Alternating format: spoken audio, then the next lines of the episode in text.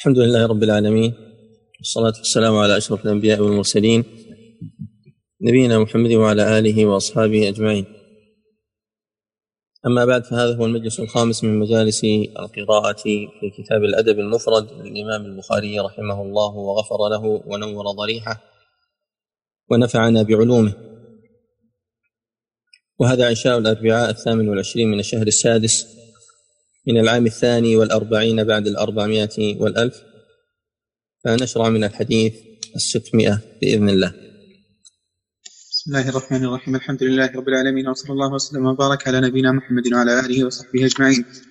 اللهم علمنا ما ينفعنا وانفعنا بما علمتنا وزدنا علما وعملا واهدنا صدقا وصلاحنا رب العالمين فبأسانيدكم للامام البخاري رحمه الله تعالى وإياه قال حدثنا عبد العزيز بن عبد الله قال حدثنا إبراهيم بن سعد عن صالح عن ابن شهاب قال أخبرني يحيى بن سعيد بن العاص أن سعيد أن سعيد بن العاص أخبره أن عثمان وعائشة رضي الله تعالى عنهما حدثاه ان ابا بكر رضي الله عنه استأذن على رسول الله صلى الله عليه وسلم وهو مضطجع على فراش عائشة لابسا مرطع عائشة فأذن لأبي بكر وهو كذلك فقضى إليه حاجته ثم انصرف ثم استأذن عمر رضي الله عنه فأذن له وهو كذلك فقضى إليه حاجته ثم انصرف فقال عثمان ثم استأذنت عليه فجلس وقال لعائشة رضي الله تعالى عنها اجمعي عليك ثيابك. قال فقضيت اليه حاجتي ثم انصرفت. قال فقالت عائشة يا رسول الله لم أرك فزعت لأبي بكر وعمر رضي الله عنهما كما فزعت لعثمان. قال رسول الله صلى الله عليه وسلم إن عثمان رجل حيي وإني خشيت إن أذنت له وأنا على تلك الحال ألا يبلغ إلي في حاجته. هذا الحديث رواه مسلم وصالح هو ابن كيسان وكان أكبر من ابن شهاب والمرط هو الكساء. نعم. حدثنا إبراهيم بن موسى قال حدثنا عبد الرزاق عن معمر عن ثابت البناني عن أنس رضي... عن أنس بن مالك رضي الله تعالى عنه عن النبي صلى الله عليه وسلم قال ما كان الحياء في شيء إلا زانه ولا كان الفحش في شيء إلا شانه. وهذا صحيح نعم حدثنا إسماعيل قال حدثني مالك عن ابن شهاب عن سالم عن أبيه أن رسول الله صلى الله عليه وسلم مر برجل يعظ أخاه في الحياء فقال دعه فإن الحياء من الإيمان. متفق عليه نعم حدثنا عبد الله قال حدثني عبد العزيز بن أبي سلمة عن ابن شهاب عن سالم عن ابن عمر رضي الله تعالى عنهما قال مر النبي صلى الله عليه وسلم على رجل يعاتب أخاه في الحياء حتى كأنه يقول اضر بك فقال له دعه فإن الحياء من الإيمان. متفق عليه. نعم. حدثنا أبو ربيع قال حدثني إسماعيل قال حدثني محمد بن أبي حرملة عن عطاء وسليمان بن يسار وأبي سلمة بن عبد الرحمن أن عائشة رضي الله تعالى عنها قالت كان النبي صلى الله عليه وسلم مضطجعا في بيته كاشفا عن فخذه أو ساقيه فاستأذن أبو بكر رضي الله تعالى عنه فأذن له كذلك فتحدث ثم استأذن عمر رضي الله عنه فأذن له كذلك ثم تحدث ثم استأذن عثمان رضي الله عنه فجلس النبي صلى الله عليه وسلم وسوى ثيابه قال محمد ولا أقول في يوم واحد فدخل فتحدث فلما خرج قال قلت يا رسول الله دخل أبو بكر فلم تهش ولم تباله ثم دخل عمر فلم تهش ولم تباله ثم دخل عثمان فجلست وسويت ثيابك. قال لا أستحي من رجل تستحي منه الملائكة. هذا رواه مسلم والعورات تنقسم إلى أقسام. العورة المغلظة لا يجوز أن يبديها الإنسان لغير زوجه. والعورة التي بين السرة والركبة هذه إذا كان الإنسان مثلا قد ستر عورته المغلظة وكان مع يعني هذه العورة مخففة إذا كان مع من آه يعني من داخلة أهله. وممن يكثر الدخول عليه فلا بأس في إظهارها بدلالة هذه الأحاديث. ومع ذلك بالنسبة للرجل فإنه يجوز إبداؤه. نعم. والدليل على ما بين السرة والركبة عورة. هو حديث غط فخذك فإن الفخذ عورة. وجاء أيضا عند البيهقي التحديد بما بين السرة والركبة نعم. صلى الله عليكم. باب ما يقول إذا أصبح حدثنا موسى قال حدثنا أبو عوانة قال حدثنا عمر عن أبيه عن أبي هريرة رضي الله تعالى عنه قال كان النبي صلى الله عليه وسلم إذا أصبح قال أصبحنا وأصبح الملك لله والحمد لله والحمد كله لله. لا شريك له لا إله إلا الله وإليه النشور. وإذا أمسى قال أمسينا وأمسى الملك لله والحمد كله لله. لا شريك له لا إله إلا الله وإليه المصير. هذا حسن لأن عمر بن أبي سلمة متكلم فيه. نعم. باب من دعا في غيره من الدعاء حتى حدثنا محمد بن سلام قال أخبرنا عبدة قال أخبرنا محمد بن عمرو قال حدثنا أبو سلمة عن أبي هريرة رضي الله تعالى عنه قال قال رسول الله صلى الله عليه وسلم إن الكريم ابن الكريم ابن الكريم ابن الكريم يوسف بن يعقوب بن إسحاق بن إبراهيم خليل الرحمن عليهم السلام قال قال رسول الله صلى الله عليه وسلم لو لبثت في السجن ما لبث يوسف ثم دعاني الداعي لاجبت إذ جاءه الرسول فقال ارجع إلى ربك فاسأله ما بال النسوة اللاتي قطعن أيديهن ورحمة الله على لوط إن كان لياوي إلى ركن شديد إذ قال لقومه لو أنني بكم قوة أو آوي إلى ركن شديد فما بعث, فما بعث الله بعده من نبي إلا في ثروة من قومه. قال محمد أثروة الكثرة والمناعة. هذا الإسناد حسن والحديث صحيح لأنه جاء من طرق أخرى في الصحيح. نعم. باب الناخلة من الدعاء. حدثنا عمرو بن حفص قال حدثنا أبي قال حدثنا الأعمش قال حدثني مالك بن الحارث عن عبد الرحمن بن يزيد قال كان الربيع يأتي علقمة يوم الجمعة فإذا لم, فإذا لم أكن ثمة أرسلوا إلي. فجاء مرة ولست ثمة فلقيني علقمة وقال لي ألم ترى ما جاء به الربيع؟ قال ألم ترى أكثر ما, ما يدعو الناس؟ وما أقل إجابتهم وذلك أن الله عز وجل لا يقبل إلا ناخلة من الدعاء. قلت أوليس قد قال ذلك عبد الله؟ قال وما قال؟ قال قال عبد الله لا يسمع الله من مسمع ولا مراء ولا لاعب إلا داع دعا يثبت من قلبه. قال فذكر علقمة قال نعم. هذا الأثر صحيح والربيع هو ابن خثيم والناخلة من الدعاء أي الخالص من الدعاء. فإن كثيرا من الناس يدعو بقلب الله ساه ثم يقول دعوت فلم يستجب لي. وبعضهم يدعو ويدعو بقطيعة رحم وبعضهم يدعو وقد أكل الحرام. فإذا كان الإنسان قد استوفى الشروط واستجمع وأقبل على الله عز وجل وتضرع في دعائه فحري أن يستجيب الله دعاءه. وما أكثر ما يستجيب الله عز وجل الدعوات لأن إجابة الدعوة من مقتضيات الربوبية ليست من مقتضيات الألوهية. حتى الكافر إذا أخلص لله في دعائه فإن الله يستجيب دعاءه. فإذا ركبوا في الفلك دعوا الله مخلصين له الدين. فلما نجاهم إلى البر إذا هم يشركون استجاب الله دعاءهم لأنهم دعوه وحده. لأن الكافر من ربه؟ من يدعو إلا الله؟ هذا من كرمه سبحانه وتعالى. نعم. السلام عليكم باب ليعز بالدعاء فإن الله لا مكره له. حدثنا محمد بن عبيد قال حدثنا محمد بن عبيد الله قال حدثنا عبد العزيز بن أبي حازم عن العلاء عن أبي هريرة رضي الله تعالى عنه أن رسول الله صلى الله عليه وسلم قال إذا دعا أحدكم فلا يقول إن شئت وليعزم المسألة وليعظم الرغبة فإن الله عز وجل لا يعظم عليه شيء أعطاه. هذا الإسناد على شرط مسلم والمتن متفق عليه وهو صحيح. نعم. حدثنا محمد بن سلام قال أخبرنا إسماعيل بن علية عن عبد العزيز بن صهيب عن أنس رضي الله تعالى عنه قال قال رسول الله صلى الله عليه وسلم إذا دعا أحدكم فليعزم في الدعاء ولا يقل اللهم إن شئت فأعطني فإن الله عز وجل لا مستكره له. هذا متفق عليه ولكن يستثنى من هذا دعاء الاستخارة أن يكون الإنسان مترددا في أمر ما فإنه يجعل ذلك إليه سبحانه وتعالى والخير فيما اختاره الله له. نعم. باب رفع الأيدي في الدعاء حدثنا إبراهيم بن المنذر قال حدثنا محمد بن فليح قال أخبرني أبي عن ابي نعيم وهو وهب قال رأيت ابن عمر بن الزبير يدعوان يديران بالراحتين على الوجه. حسن نعم. حدثنا مسدد قال حدثنا أبو عوانة عن سماك بن حرب عن كلمة عن عائشة رضي الله تعالى عنها زعم أنه سمعه منها أنها رأت النبي صلى الله عليه وسلم يدعو رافعا يديه يقول إنما أنا بشر فلا تعاقبني أيما رجل من المؤمنين آذيته أو شتمته فلا تعاقبني فيه. هذا الإسناد ضعيف لأن سماك بن حرب عن عكرمة من السلاسل المضطربة ولكن المتن جاء في صحيح مسلم بإسناد آخر. نعم. حدث بمعنى حدثنا نعم. حدثنا علي قال حدثنا سفيان قال حدثنا أبو الزناد عن الأعرج عن أبي هريرة رضي الله تعالى عنه قال قدم الطفيل بن عمرو الدوسي على رسول الله صلى الله عليه وسلم فقال فقال يا رسول الله إن دوسا قد عصتها فادعو الله عليها فاستقبل رسول الله صلى الله عليه وسلم القبلة ورفع يديه فظن الناس فظن الناس أنه يدعو عليهم. فقال اللهم اهد دوسا وأتي بهم. متفق عليه. ودوس من الأزد وهم زهران. نعم. حدثنا محمد بن سلام قال أخبرنا إسماعيل بن جعفر عن حميد عن أنس رضي الله تعالى عنه قال قحط المطر عاما فقام بعض المسلمين إلى النبي صلى الله عليه وسلم يوم الجمعة فقال يا رسول الله قحط المطر وأجتبت الأرض وهلك المال فرفع يديه وما يرى في السماء من سحاب. فمد يديه حتى رأيت بياض ابطه يستسقي الله فما صلينا الجمعة حتى أهم الشاب الشاب القريب الدار الرجوع إلى أهله. فدامت جمعة فلما كانت الجمعة التي تليها فقال يا رسول الله تهدمت البيوت واحتبس الركبان فتبسم لسرعة ملال ابن آدم. وقال بيده اللهم حوالينا ولا علينا فتكشطت عن المدينة هذا صحيح متفق عليه لكن بألفاظ مقاربة. والقريب الداري جازت الإضافة فيه لأنه صفة مشبهة. نعم. حدثنا الصلت قال حدثنا أبو عوانة عن سماك عن أكلمة عن عائشة رضي الله تعالى عنها أنها سمع أنه سمعه منها أنها رأت النبي صلى الله عليه وسلم يدعو رافعا يديه يقول اللهم إن إنما أنا بشر فلا تعاقبني ايما رجل من المؤمنين آذيته أو شتمته فلا تعاقبني فيه. سبق نعم. حدثنا عارم قال حدثنا حماد بن زيد قال حدثنا حجاج الصواف عن أبي الزبير عن جابر بن عبد الله رضي الله تعالى عنهما أن الطفيل بن عمرو قال للنبي صلى الله عليه وسلم هل لك في حصن ومناء؟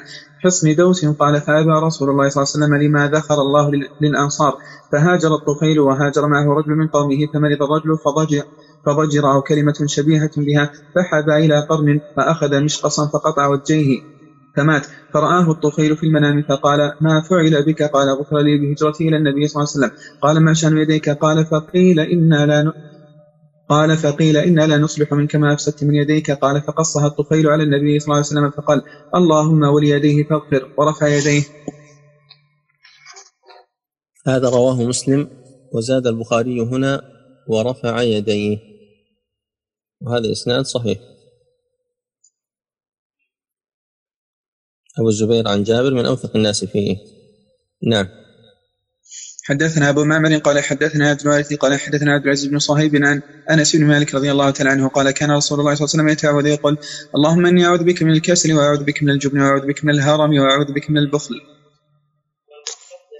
وهذا صحيح رواه البخاري. وينبغي لنا أن نحفظ هذا الدعاء وأن نكثر منه. نعم.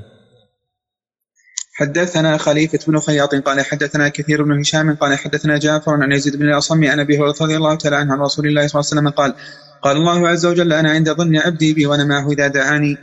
متفق عليه. نعم. باب سيد الاستغفار حدثنا مسدد قال حدثنا يزيد بن زريع قال حدثنا حسين قال حدثنا عبد الله بن بريدة عن بشير بن كعب. عن شداد بن أوس رضي الله تعالى عنه عن النبي صلى الله عليه وسلم قال سيد الاستغفار اللهم أنت ربي لا إله إلا أنت خلقتني وأنا عبدك وأنا على عهدك وعهدك ما استطعت. أبوء لك بنعمتك علي وأبوء لك بذنبي فاغفر لي فإنه لا يغفر الذنوب إلا أنت أعوذ بك من شر ما صنعت.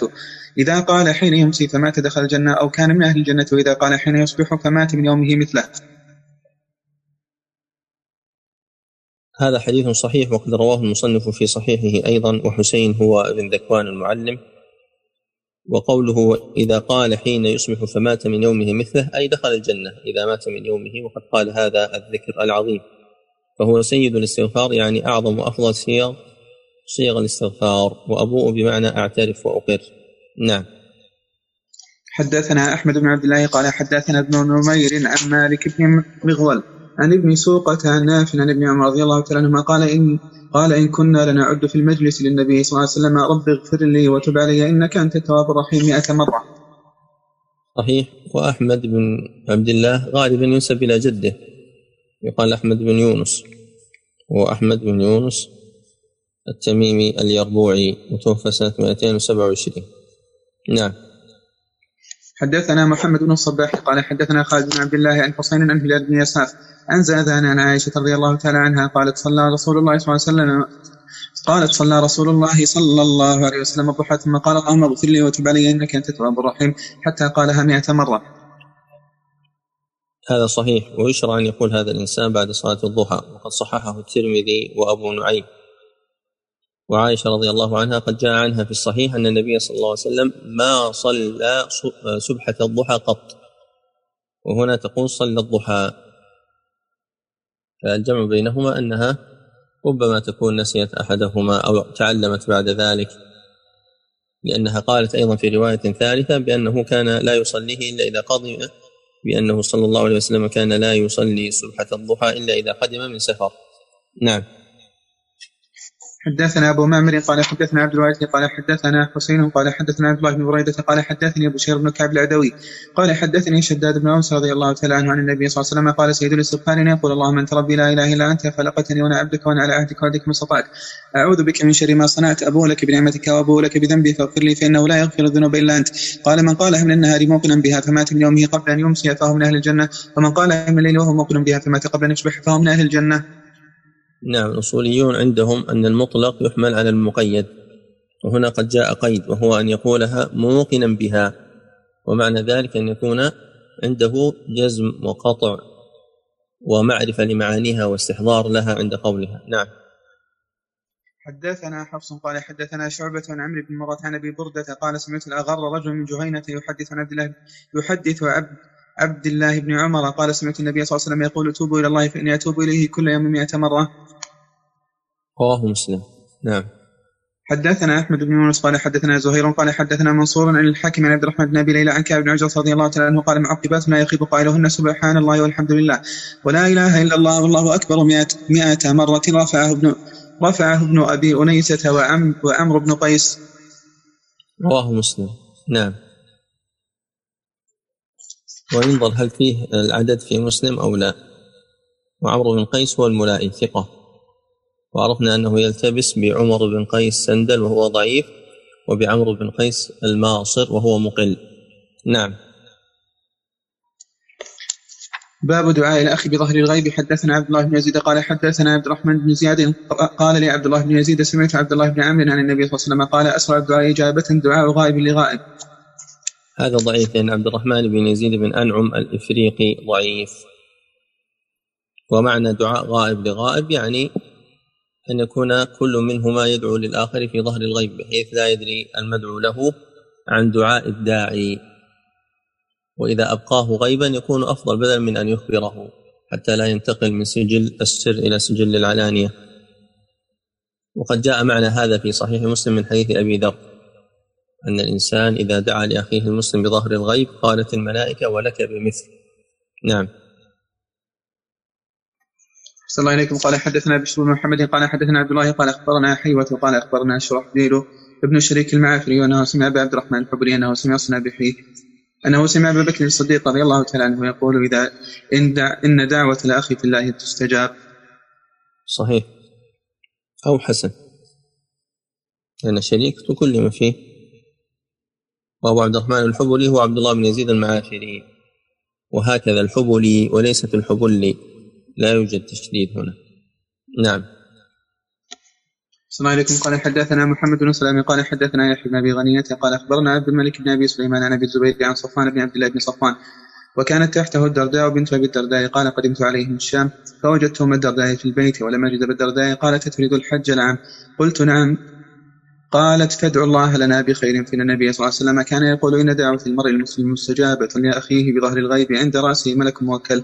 كلما دعا لأخيه بخير قال آمين ولك بمثل. قال فلقيت أبا الدرداء في السوق فقال مثل ذلك. يأثر عن النبي صلى الله عليه وسلم. يعني المرفوع منه رواه مسلم.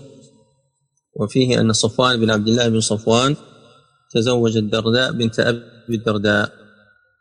نعم هذا حديث صحيح. يحيى بن أبي غنية هو يحيى بن عبد الملك بن حميد بن أبي غنية. نعم. الله عليكم. قال حدثنا موسى بن إسماعيل وشهاب قال حدثنا حماد بن عطاء بن سعيد بن أبي عبد الله بن عمرو رضي الله تعالى عنهما. قال قال رجل اللهم اغفر لي ولمحمد وحدنا. فقال النبي صلى الله عليه وسلم لقد حجبتها عن ناس كثير. هذا ضعيف لأن حماد بن سلمة عن عطاء بن سائب كما سبق معنا بالأمس فيه ضعف. نعم.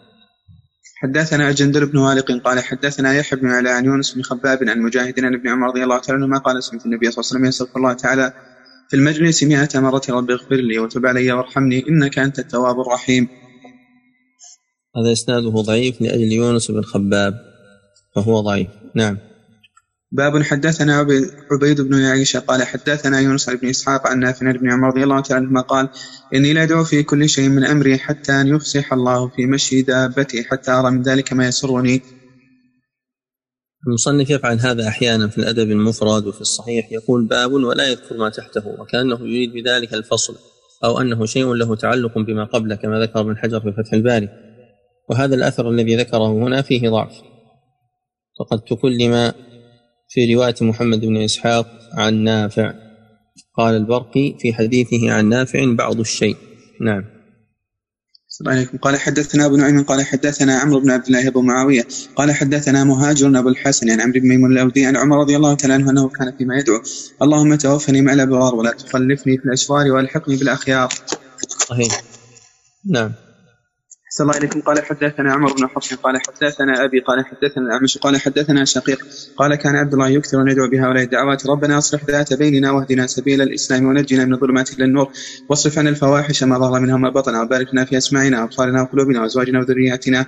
وتب علينا إنك أنت التواب الرحيم. واجعلنا شاكرين لنعمتك مثنين بها قائلين بها وأتممها علينا. كثير من النسخ ربنا أصلح بيننا. وزاد عصام في تحقيقه أصلح ذات بيننا. وشقيق هو أبو وائل شقيق بن سلمة الأسدي وعبد الله هو بن مسعود رضي الله عنه. وهذا صحيح موقوفا. وقد جاء مرفوعا بإسنادين أحدهما فيه شريك وهو ضعيف والثاني فيه داود بن يزيد الأودي الزعافري وهو ضعيف فلا يصح مرفوعا إنما هو موقوف. نعم. صلى الله عليكم قال حدثنا موسى بن إسماعيل قال حدثنا سليمان بن المغيرة عن ثابت قال كان أنس رضي الله عنه إذا دعا لأخيه يقول جعل الله عليه صلاة قوم ابرار ليسوا ظلمة ولا فجار يقومون الليل ويصومون النهار. صحيح نعم.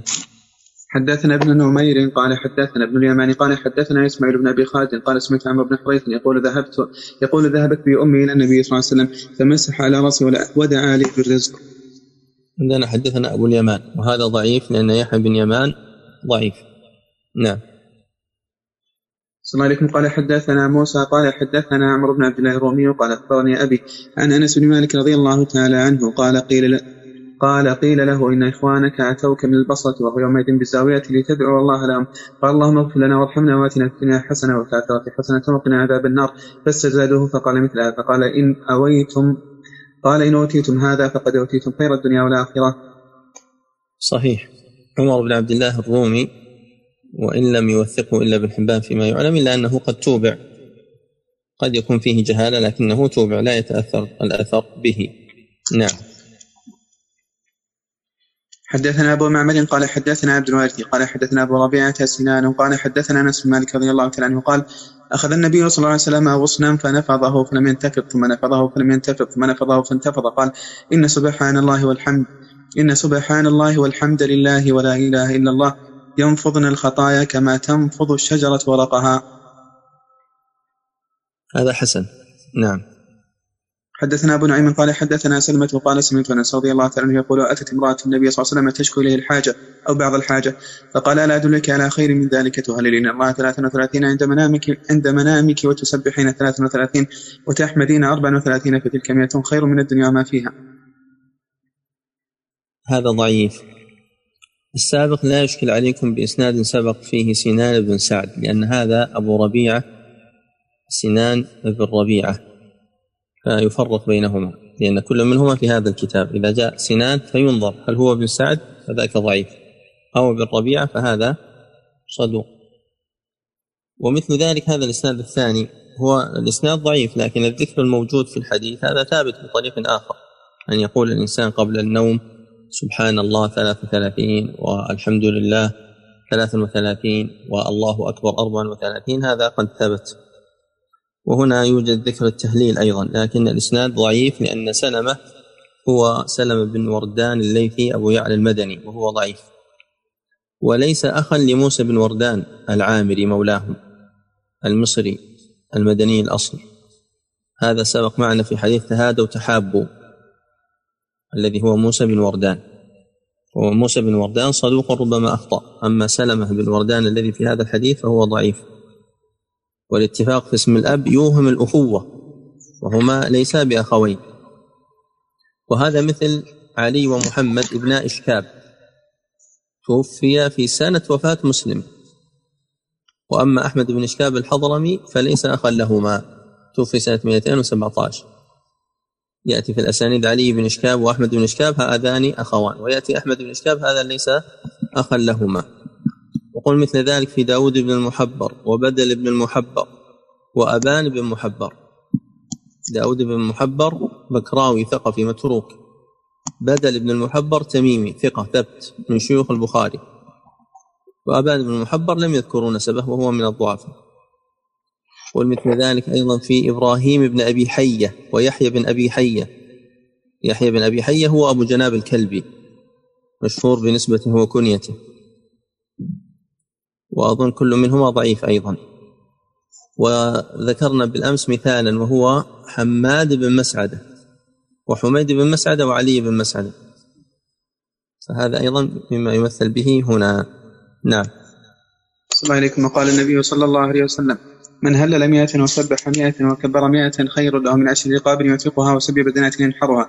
فأتى النبي صلى الله عليه وسلم رجل فقال يا رسول الله أي دعاء يقبل؟ قال سل الله العفو والعافية في الدنيا والآخرة. ثم أتاه الغد فقال يا نبي الله أي الدعاء أفضل؟ قال سل الله العفو والعافية في الدنيا والآخرة. فإذا أعطيت العافية في الدنيا والآخرة فقد أفلحت. هذا بالإسناد السابق وفيه ما فيه. نعم. حدثنا آدم قال حدثنا شعبة عن الزريري عن أبي عبد الله الانزي عن عبد الله بن صامت رضي عن عبد الله بن صامت عن أبي هريرة رضي الله تعالى عنه عن النبي صلى الله عليه وسلم قال أحب الكلام إلى الله سبحان الله لا شريك له له الملك وله الحمد وهو على كل شيء قدير لا حول ولا قوة إلا بالله سبحان الله وبحمده. هذا في صحيح مسلم بلفظ آخر وهذا الإسناد الذي معنا إسناد صحيح واختلاط الجريري ليس بمؤثر يعني لم يبلغ درجة من الاختلاط يتأثر به حديثه. نعم. حدثنا صلت بن محمد قال حدثنا مهدي بن ميمون عن الجريري عن, عن الجريري عن جبر بن حبيب عن أم كلثوم ابنة أبي بكر عن عائشة رضي الله تعالى عنها قالت دخل علي النبي صلى الله عليه وسلم وأنا أصلي. وله حاجة فأبطأت عليه. قال يا عائشة عليك بجمل الدعاء وجوامعه؟ فلما انصرفت قلت يا رسول الله. وما جمل الدعاء وجوامعه؟ قال قولي اللهم إني أسألك من الخير كله عاجله وآجله. ما علمت منه وما لم أعلم أعوذ بك من الشر كله عاجله وآجله. ما علمت منه وما لم أعلم. وأسألك الجنة وما قرب إليها من قول أو عمل وأعوذ بك من النار وما قرب إليها من قول أو عمل. وأسألك مما سألك به محمد وأعوذ بك مما تعوذ منه محمد. وما قضيت لي من حاجة فاجعل عاقبته رشدا. هذه الكلمات الفواضل الكوامل وهذا حديث صحيح. وجبر بن حبيب ثقة. قال ابن معين والنسائي ثقة. ونص البخاري على سماعه من أم كلثوم أخت عائشة رضي الله عنها. نعم. باب الصلاة على النبي صلى الله عليه وسلم. حدثنا يحيى بن سليمان قال حدثني ابن وهب قال أخبرني عمرو بن الحارث عن دراج أن أبا الهيثم أن أبا الهيثم يحدث أن أبا الهيثم حدثه عن أبي سعيد الخدري عن النبي صلى الله عليه وسلم قال أيما رجل مسلم أيما رجل مسلم لم يكن عنده صدقة فليقل في دعائه اللهم صل على محمد عبدك ورسولك وصل على المؤمنين والمؤمنات والمسلمين والمسلمات فإنها له زكاة. وفي نسخة فإن له زكاة. والهيثم مصروف. الهيثمي الكسر. وهذا ضعيف لأن في إسناده دراج. دراج أبو السمح ضعيف. خاصة في أبي الهيثم يزداد ضعفا. نعم.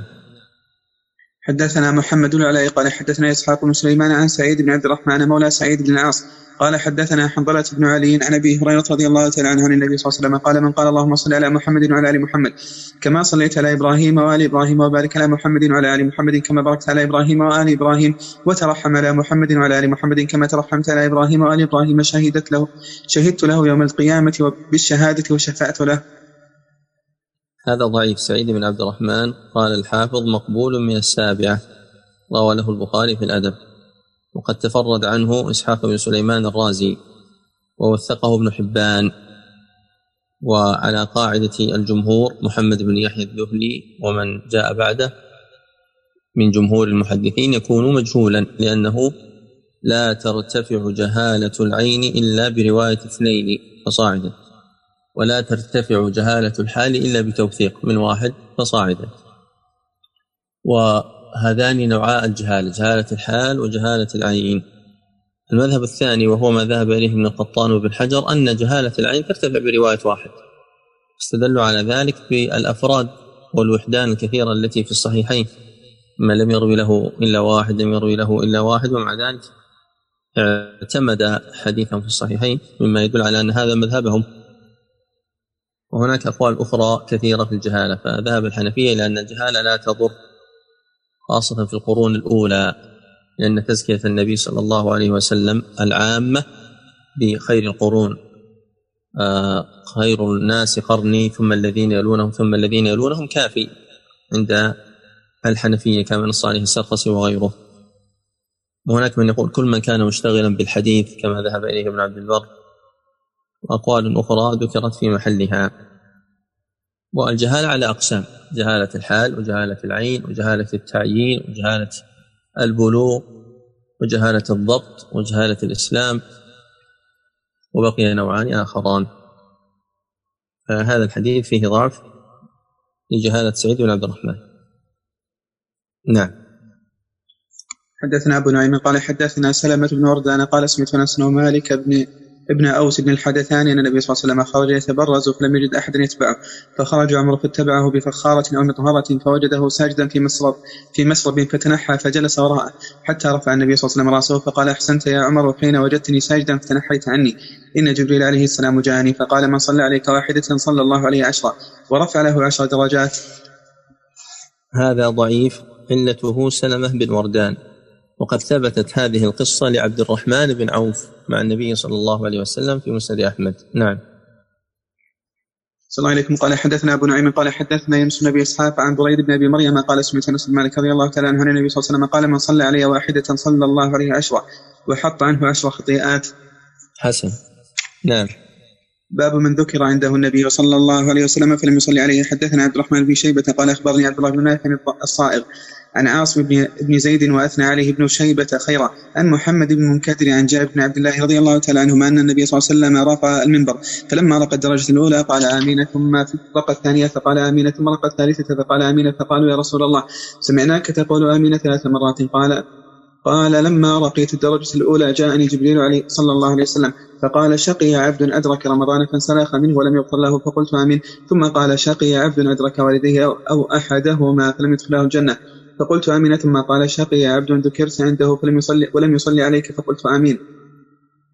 هذا الإسناد فيه عبد الله بن نافع الصائغ وقد تكلم في ضبطه ولكن مثل الحديث قد جاء من طرق أخرى فيمكن أن يقال فيه أنه صحيح لغيره. والشاهد منه للتبويب الجملة الأخيرة شقي عبد ذكرت عنده ولم يصلي عليه. فيه وجوب الصلاة على النبي صلى الله عليه وسلم كلما ذكر. ويدل عليه الحديث الآخر البخيل من ذكرت عنده فلم يصلي عليك. من ذكرت عنده فلم يصلي عليك أو من ذكرت عنده فلم يصلي عليك. وهذا القول الذي هو وجوب الصلاة على النبي صلى الله عليه وسلم كلما ذكر هو قول الطحاوي كما في البناية للعين والحليمي كما في المنهاج في شعب الإيمان له وأبو حامد الإسفرايني الشافعي كما في فتح المغيث السبكي والتاج السبكي كما في طبقاته الكبرى في مجلدها الأول في أول أبيات له نص فيها على الوجوب وجعله مقتضى الاحتياط أبو عبد الله القرطبي في تفسيره وفصل الأدلة على ذلك ابن قيم الجوزية في كتابه جلاء الأفهام. وقد نقل الترمذي عن بعض أهل العلم ولم يسمهم أنه يجزئ أن يصلي في المجلس مرة. نقول هذا لو لم يرد ذكره. أن يصلي في المجلس مرة لو لم يرد ذكر للنبي صلى الله عليه وسلم كما في الحديث الذي رواه أبو داود بن حبان وغيرهما ما جلس قوم مجلسا لا يذكرون الله فيه ولا يصلون على النبي صلى الله عليه وسلم إلا كان عليهم ترة وفي بعض الروايات حسرة وفي بعض الروايات آه، قاموا عن مثل جيفة حمار. نعم.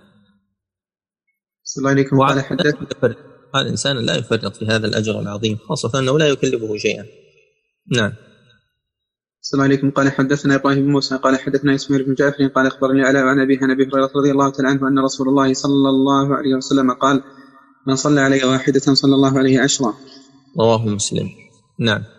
حدثنا محمد بن عبيد الله قال حدثنا النبي حازم عن كثير يرويه عن الوليد بن رباح عن أبي هريرة رضي الله تعالى عنه أن النبي صلى الله عليه وسلم رفع المنبر فقال آمين آمين آمين قيل له يا رسول الله ما كنت تصنع هذا? فقال قال لي جبريل عليه السلام رغم أنف عبد أدرك أبويه واحدهما لم يدخله الجنة.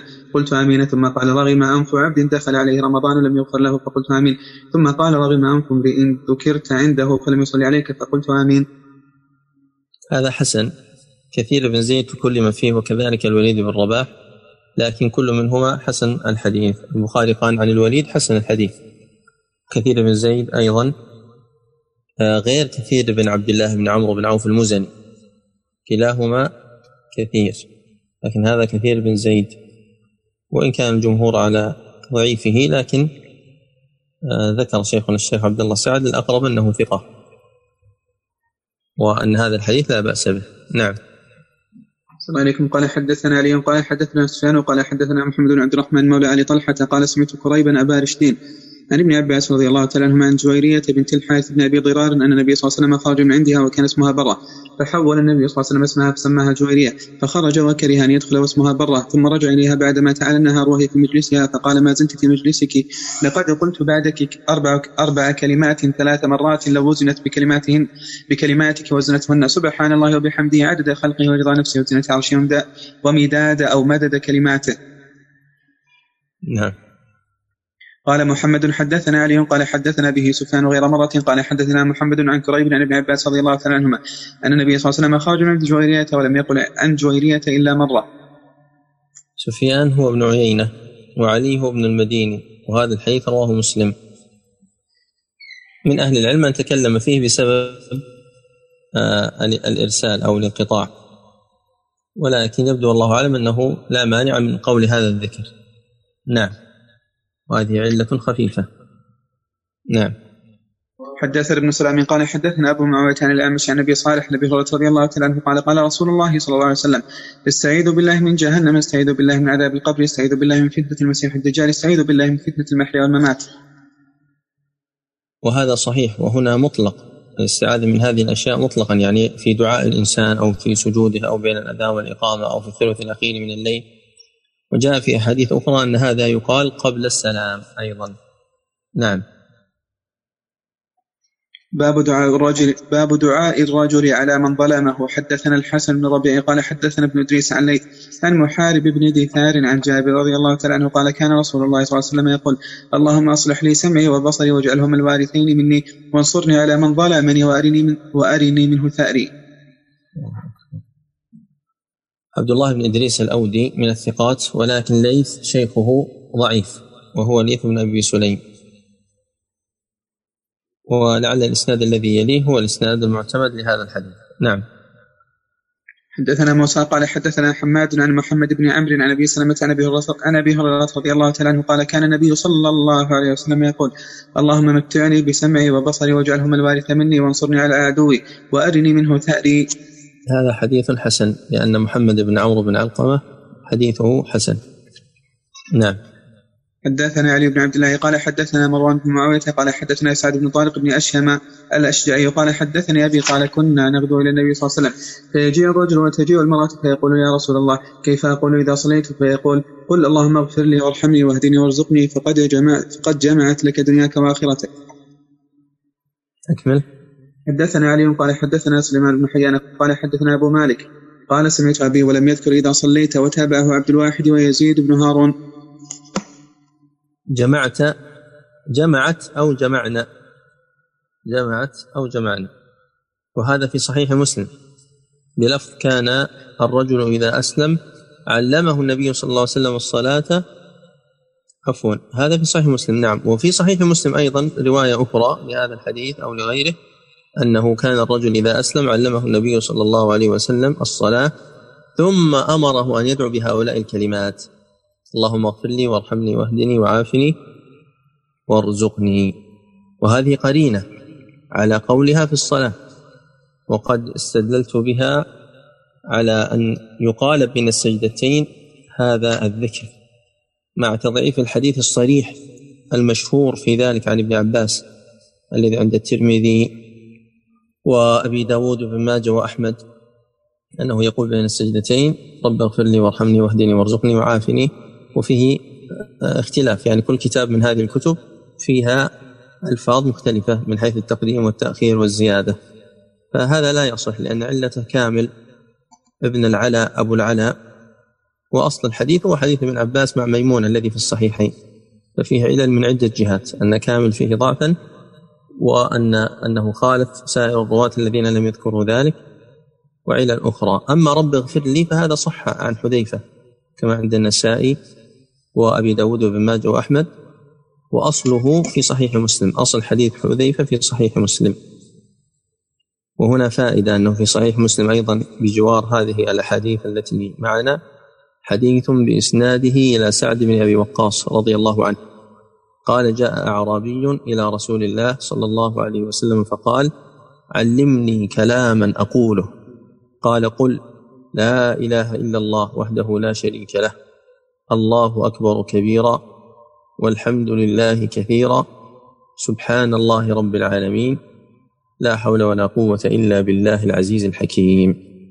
قال هؤلاء لربي فما لي؟ قال قل اللهم اغفر لي وارحمني واهدني وارزقني.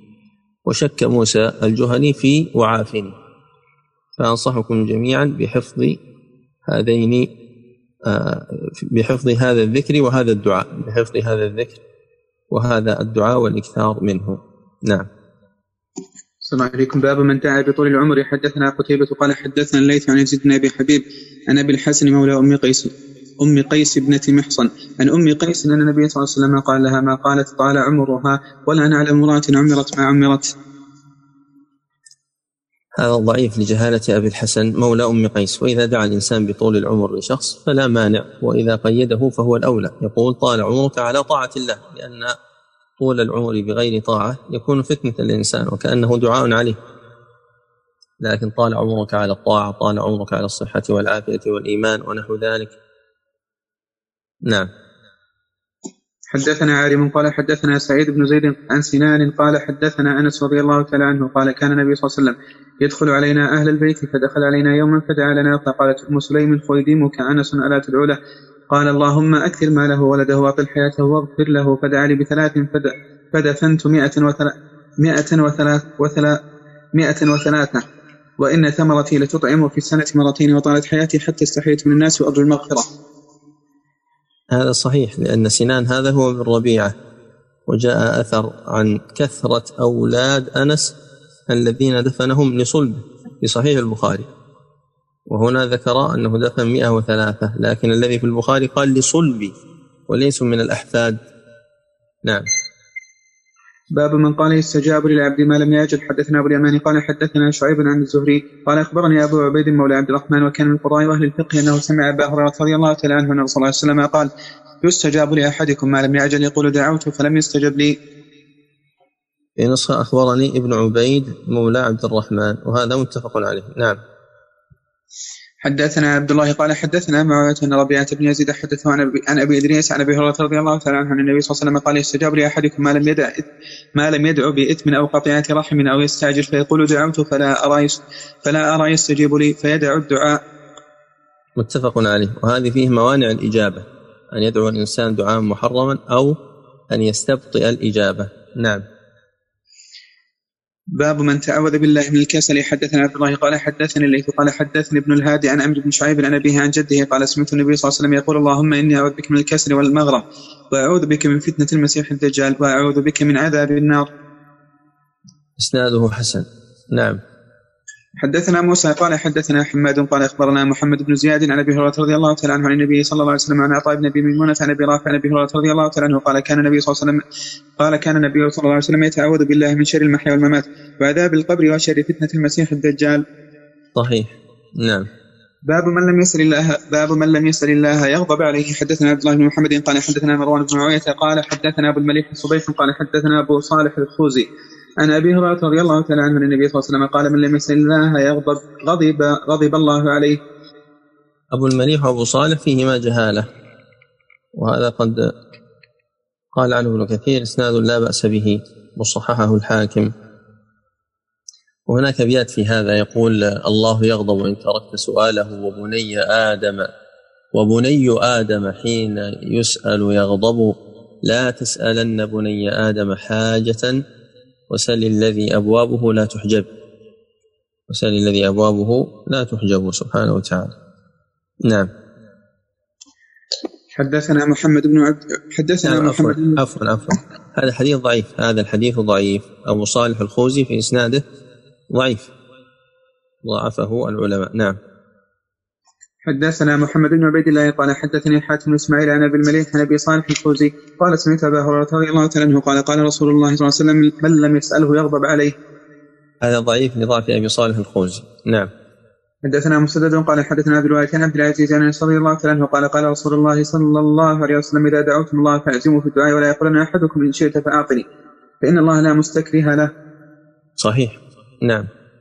حدثنا عبد الله قال حدثنا أبو داود قال حدثنا عبد الرحمن بن أبي الزناد عن أبيه عن أبان بن عثمان قال سمعت عثمان رضي الله تعالى عنه قال سمعت النبي صلى الله عليه وسلم يقول من قال صباح كل يوم ومساء كل ليلة ثلاثا ثلاثا بسم الله بسم الله الذي لا يضر مع اسمه شيء في الأرض ولا في السماء وهو السميع العليم لم يضره شيء وكان أصابه طرف, طرف من الفالج فجعل ينظر إليه ففطن له فقال إن الحديث كما حدثتك ولكن لم أقله ذلك اليوم ليمضي قدر الله.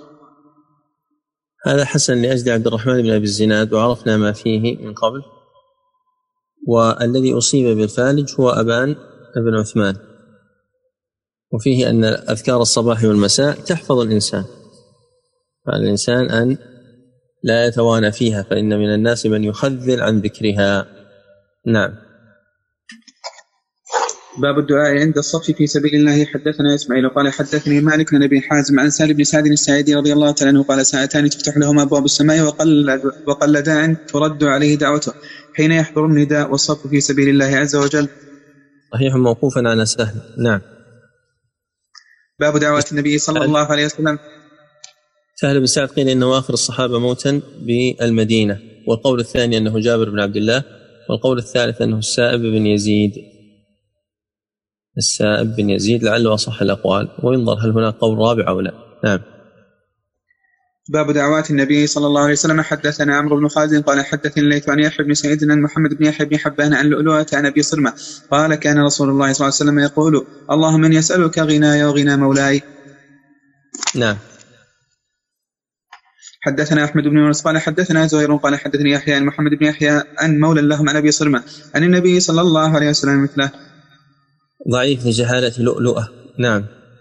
حدثنا يحيى بن موسى قال حدثنا وكما قال حدثنا سعد بن عوس عن بلال بن يحيى عن شفير بن شكر بن حميد عن أبيه قال قلت يا رسول الله علمني دعاء أن أنتفع به. قال قل اللهم عافني من شر سمعي وبصري ولساني وقلبي وشر مني.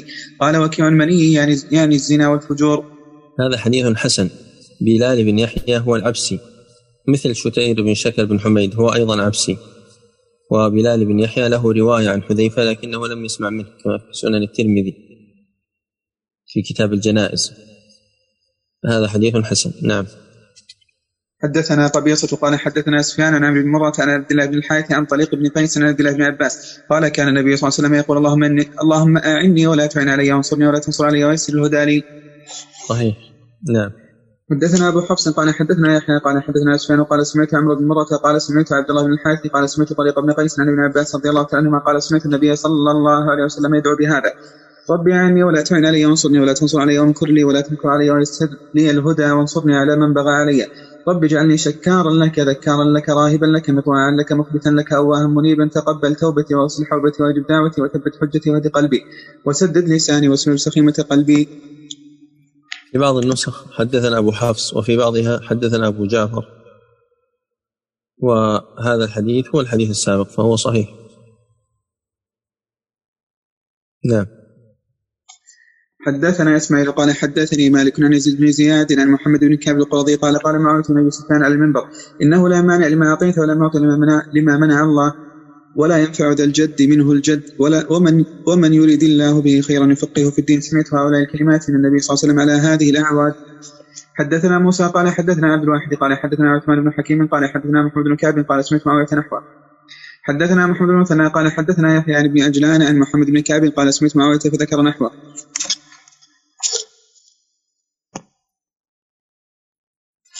نعم هذا صحيح. نعم.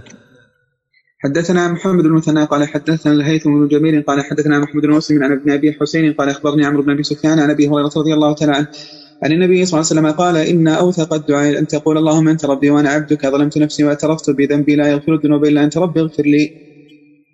حسن. لكن في بعض المصادر مثل مسند أحمد وكتاب محمد بن نصر المروزي إن أوفق بالفاء والقاف. نعم. حدثنا يحيى بن بشير قال حدثنا يحيى بن بشر قال حدثنا أبو قطن عن ابي عن ابن أبي سلمة يعني عبد العزيز عن قدامة بن موسى عن أبي صالح بن هريرة رضي الله تعالى عنه قال كان رسول الله صلى الله عليه وسلم يدعو اللهم اصلح لي ديني الذي هو عصمة أمري واصلح لي دنياي التي فيها معاشي واجعل الموت رحمة لي من كل سوء أو كما قال. هذا رواه مسلم وأنصحكم بحفظ هذا الدعاء أيضا والإكثار منه نعم. حدثنا علي قال حدثنا سفيان قال حدثنا سمي عن أبي صالح عن أبي هريرة رضي الله عنه قال كان النبي صلى الله عليه وسلم يتعوذ من جهد البلاء ودرك الشقاء وسوء القضاء وشماتة الأعداء. قال سفيان في الحديث ثلاث زدت وأنا واحدة لا أدري أيتهن. بين ابن حجر أن التي زيدت شماتة الأعداء. وهذا الحديث صحيح. نعم. لكن يقول حتى هذه التي زادها جاءت في حديث آخر مرفوعا. نعم. حدثنا عبيد الله عن اسرائيل عن أبي إسحاق عن عمرو بن ميمون عن عمر رضي الله عنه قال كان النبي صلى الله عليه وسلم يتعوذ من خمس من الكسل والبخل وسوء الكبر وفتنة الصدر وعذاب القبر. هذا ثابت نعم. حدثنا مسدد قال حدثنا معتمر قال سمعت أبي قال سمعت أنس بن مالك رضي الله عنه يقول كان النبي صلى الله عليه وسلم يقول اللهم إني أعوذ بك من العجز والكسل والجبن والهرم وأعوذ بك من فتنة المحيا والممات وأعوذ بك من عذاب القبر. هذا متفق عليه في نسخة معمر لكن لعل معتمر أصوب نعم. حدثنا المكي قال حدثنا عبد الله بن سعيد بن أبي هند عن عمرو بن أبي عمرو عن انس رضي الله عنه قال سمعت النبي صلى الله عليه وسلم يقول اللهم إني أعوذ بك من الهم والحزن والعجز والكسل والجبن والبخل وضلع الدين وغلبة الرجال. هذا رواه اظنه متفق عليه أو رواه البخاري. هو صحيح على كل حال. نعم. حدثنا عبد الله بن عبد الوهاب قال حدثنا خالد بن حاتي قال حدثنا عبد الرحمن المسعودي عن القمة بن مسعود عن أبي ربيع عن أبي هريرة رضي الله عنه قال كان من دعاء النبي صلى الله عليه وسلم اللهم اغفر لي ما قدمت وما أخرت وما أسررت وما أعلنت ما انت تعلم به مني إنك أنت المقدم والمؤخر لا إله إلا أنت. هذا من حديث أبي هريرة صحيح وجاء في صحيح مسلم من حديث أبي موسى الأشعري وخالد بن الحارث هو الهجيمي نعم حدثنا عمرو بن مرزوق قال أخبرنا شعبة بن أبي إسحاق عن أبي الأحوص عن عبد الله رضي الله عنه قال كان النبي صلى الله عليه وسلم يدعو اللهم إني أسألك الهدى والعفاف والغنى. قال أصحابنا عن عمرو والتقى. هذا رواه مسلم. وأبو الأحوص عن عبد الله هو ابن مسعود. عبد الله هو ابن مسعود وأبو الأحوص هو عوف بن مالك تابعي متقدم. لكن إذا جاء أبو الأحوص في طبقة أبعد من ذلك في طبقة شيوخ شيوخ المصنف فهذا أبو الأحوص سلام بن سليم الحنفي. توفي سنة 179 وهي سنة وفاة خالد الطحان وحماد بن زيد ومالك بن أنس.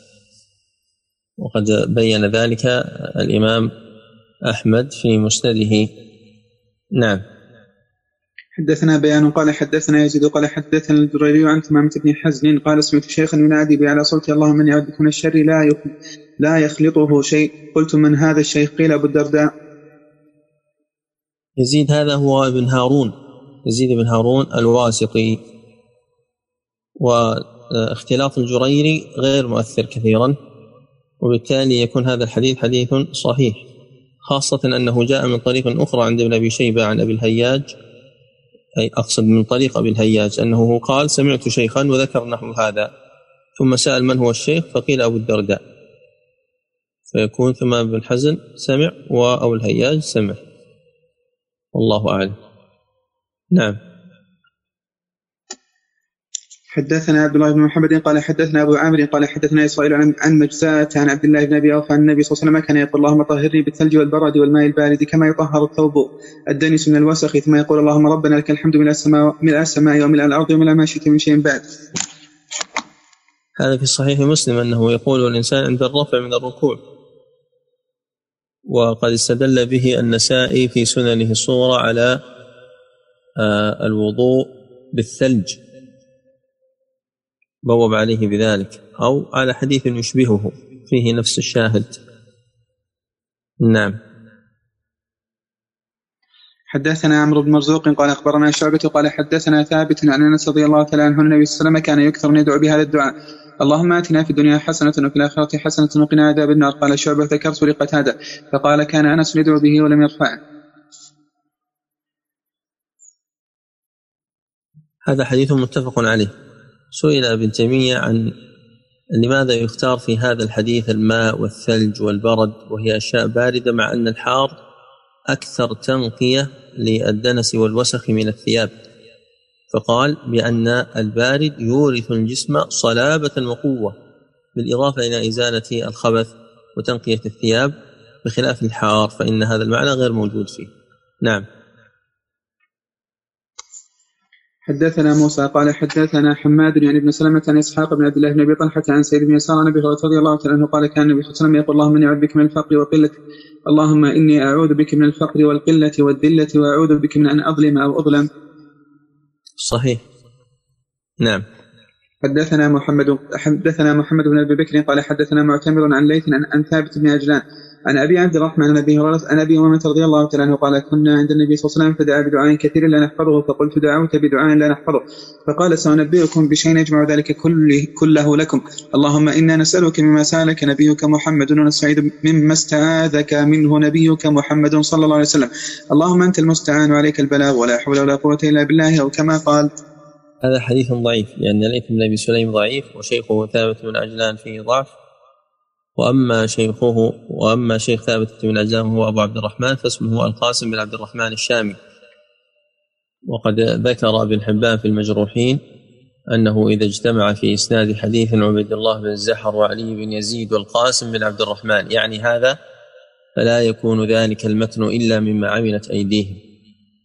ولكن هذا الكلام فيه نوع زيادة فإن الضعف في عبيد الله بن زحر وعلي بن يزيد الألهاني أحسن حالا منه وأما القاسم فليس بضعيف حتى يحشر معهم هذا الحديث حديث ضعيف ولكن لا مانع أن يدعو الإنسان بهذا الدعاء الذي ورد في هذا الحديث لأنه لا يشترط في الدعاء أن يثبت وإنما يشترط أن يكون معناه صحيحا ما دام الإنسان لن يلتزم بهذا الدعاء في وقت أو بعدد أو غير ذلك من النواحي وإنما يدعو به في دعائه المطلق فلا مانع من ذلك. نعم. حدثنا يحيى بن بكير قال حدثنا الليث عن يزيد عن يزيد بن الهادي عن عمرو بن شعيب عن ابي عن جده قال سمعت النبي صلى الله عليه وسلم يقول اللهم إني أعوذ بك من فتنة المسيح الدجال وأعوذ بك من فتنة النار. حسن سلسلة عمرو بن شعيب عن ابي عن جده سلسلة حسنة نعم. حدثنا أحمد بن يونس قال حدثنا أبو بكر عن نصير بن أبي الأشعث عن عطاء بن السائب عن سعيد قال كان ابن عباس رضي الله عنهما يقول اللهم قنعني بما رزقتني وبارك لي فيه واخلف علي كل غائبة بخير.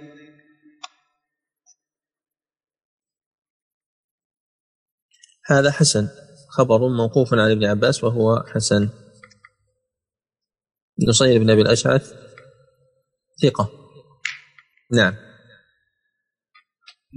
حدثنا مسدد قال حدثنا عبد الواثق عن عبد العزيز عن أنس رضي الله عنه قال كان أكثر دعاء لكن فيه عطاء بن السائب عطاء بن السائب اختلط فإذا كانت العلة أنه لا يعرف هل نصيد بن أبي الأشعث سمع منه قبل الاختلاط أو بعده فهذا يصلح أن يكون علة يضعف بها هذا الحديث لأني لا أعلم الآن هل سماعه قبل الاختلاط أو بعده لكن صححه ابن خزيمة وابن حبان نعم ولا يصح مرفوعا وإنما هو موقوف على ابن عباس نعم حدثنا مسدد قال حدثنا عبد الوارث عن عبد العزيز عن أنس رضي الله عنه قال كان أكثر دعاء النبي صلى الله عليه وسلم اللهم آتنا في الدنيا حسنة وفي الآخرة حسنة وقنا عذاب النار. متفق عليه. نعم. حدثنا الحسن بن الربيع قال حدثنا أبو الأحوص عن الأعمش عن أبي سفيان ويزيد عن أنس رضي الله عنه قال كان النبي صلى الله عليه وسلم يكثر يقول اللهم مقلب القلوب ثبت قلبي على دينك. هذا رواه الترمذي أيضا وهو صحيح. من هو أبو الأحوص في هذا الإسناد من هو أبو الأحوص في هذا الإسناد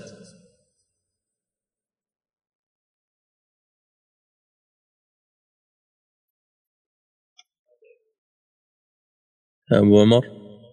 سلام بن سليم الحنفي سنة أحسن. أحسن. 179 نعم. واصل. السلام عليكم. حدثنا الحسن بن الربيع قال حدثنا أبو الأحوص عن الأعمش عن أبي سفيان ويزيد عن أنس رضي الله تعالى عنه قال كان النبي صلى الله عليه وسلم يكثر يقول اللهم يا مقلب القلوب ثبت قلبي على دينك. حدثنا آدم قال حدثنا شعبة قال حدثنا رجل قال هم يزيد لا يضر وجوده في هذا الإسناد. يزيد بن أبان المتروك الرقاشي لا يضر وجوده في هذا الإسناد لأنه مقرون بأبي سفيان طلحة بن نافع فوجود هذا المتروك وعدمه سواء. نعم. السلام عليكم. قال حدثنا آدم قال حدثنا شعبة قال حدثنا رجل من أسلم يقال له مجزأة قال سمعت عبد الله بن أبي أوفى عن النبي صلى الله عليه وسلم أنه كان يدعو اللهم لك الحمد ملء السماوات وملء الأرض وملء ما شئت من شيء بعد. اللهم طهرني بالبرد والثلج والثلج والماء البارد. اللهم طهرني من الذنوب ونقني من الخطايا كما ينقى الثوب الأبيض من الدنس. رواه مسلم. اللهم طهرني بالبرد والثلج والماء البارد. نعم. صلى الله عليه قال حدثنا عبد الغفار بن داود قال حدثنا يعقوب بن عبد الرحمن عن موسى بن عقبة عن عبد الله بن دينار عن عبد الله بن عمر رضي الله تعالى عنهما قال كان من دعاء رسول الله صلى الله عليه وسلم اللهم إني أعوذ بك من زوال نعمتك وتحول عافيتك وفجاءة نقمتك وجميع سخطك وهذا رواه مسلم. يشرع أن يدعو به الإنسان. وكذلك الدعاء السابق يا مقلب القلوب ثبت قلبي على دينك هذا يكثر من الإنسان رواه الترمذي. وقد جاء عند مسلم اللهم يا مقلب القلوب ثبت قلبي على اللهم مصرف القلوب صرف قلبي إلى طاعتك. اللهم مصرف القلوب هذا عند مسلم. صرف قلبي إلى طاعتك. وبعض الناس يزيد زيادة لا أصل لها وهي يا مقلب القلوب والأبصار. يقول بما أن الدعاء قد ورد عن النبي صلى الله عليه وسلم فلا داعي لأن يحرف الإنسان فيه بزياده ونقصان. فلا شك أن اللفظ الوارد هو اللفظ الذي يلتزم وهو اللفظ الذي يدعى به لكن لو دعا به الإنسان هكذا لا نقول بأن هذا خطأ لكن ينبغي أن يتعلم اللفظ الوارد في السنة وينبغي أن يلتزمه لا أن يجتهد فيه خاصة انه لفظ ثابت صحيح. نعم. باب الدعاء عند الغيث والمطر. حدثنا خلاد بن يحيى قال حدثنا سفيان عن المقدام بن شريح بن هاني عن ابيها عائشه رضي الله تعالى عنها قالت كان رسول الله صلى الله عليه وسلم إذا رأى ناشئا في أفق من آفاق السماء ترك عمله وإن كان في صلاة ثم أقبل عليه فإن كشفه الله. حمد الله تبارك وتعالى وإن مطرت. قال اللهم سيبا نافعا. وهذا صحيح. وسيبا بمعنى صيبا لأن السين والصاد من حروف الإبدال. السين والصاد يبدلان من بعض وكذلك الزاي. الصراط والزراط والسراط. هذه في لغة العرب معروفة. وعندما دخل صالح جزرة صالح بن محمد في حلقة فيها شيخ يدرس النحو ببغداد فكان يقرر هذه المسألة وهي أن الصاد تبدأ من السين والسين من الصاد.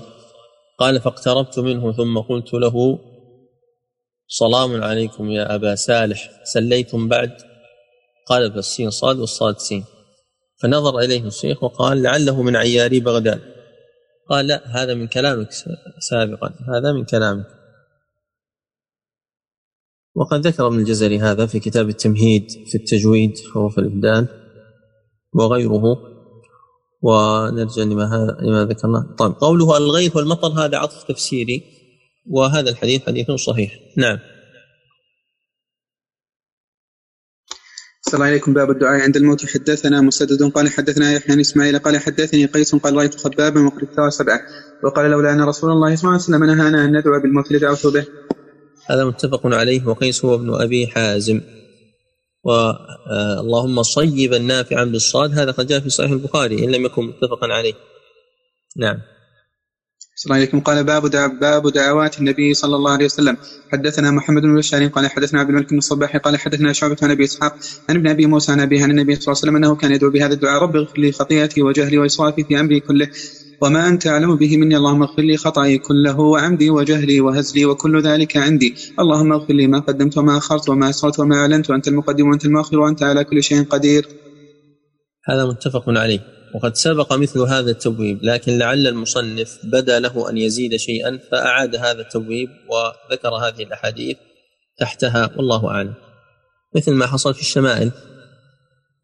الشمائل ذكر تبويبا عن عيش النبي صلى الله عليه وسلم وزهده ثم ذكر هذا الباب مرة أخرى بعد أبواب وذكر في أحاديث أخرى. نعم. حدثنا ابن المثنى قال حدثنا عبد الله بن عبد المجيد قال حدثنا اسرائيل قال حدثنا أبو إسحاق عن أبي بكر بن ابن أبي موسى وأبي بردة أحسبه عن أبي موسى الأشعري رضي الله تعالى عنه عن النبي صلى الله عليه وسلم أنه كان يدعو. اللهم اغفر لي خطيئتي وجهلي واسرافي في أمري وما أنت أعلم به مني. اللهم اغفر لي هزلي وجدي وخطئي وعمدي وكل ذلك عندي. متفق عليه. نعم. حدثنا ابو عاصم عن حيوة قال حدثنا عقبة بن مسلم أنه سمع بعبد الرحمن الحبلي عن الصنابحي عن معاذ بن جابر رضي الله تعالى عنه قال أخذ بيدي النبي صلى الله عليه وسلم فقال يا معاذ قلت لبيك قال إني أحبك قلت وأنا والله أحبك قال لا أعلمك كلمات تقولها في دبر كل صلاتك قلت نعم قال قل اللهم أعني على ذكرك وشكرك وحسن عبادتك هذا حديث صحيح رواه أبو داود والنسائي و غيرهما رواه أبو داود والنسائي وابن حبان والحاكم وغيرهم.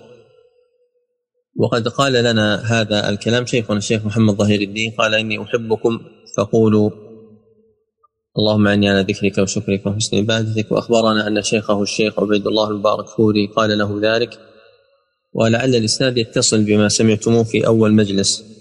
عن الشيخ ظهير إلى آخره وأنا أقول لكم جميعا إني أحبكم في الله. فلا تدعوا أن تقولوا دبر كل صلاة. اللهم أعني على ذكرك وشكرك وحسن عبادتك. وأنا إنما أحببتكم لأنكم دخلتم لاستماع سنة النبي صلى الله عليه وسلم وإن كنت لا أعلم أسماءكم ولم أرى وجوهكم. وإلا فالسلف كانوا يتحرون حتى تكون هذه الكلمة صادقة من قلوبهم عندما وقفوا على رأس المزي وقالوا سلسل لنا هذا الحديث. يعني قل لنا هذه العبارة حتى نقول المزي أو ابن حجر.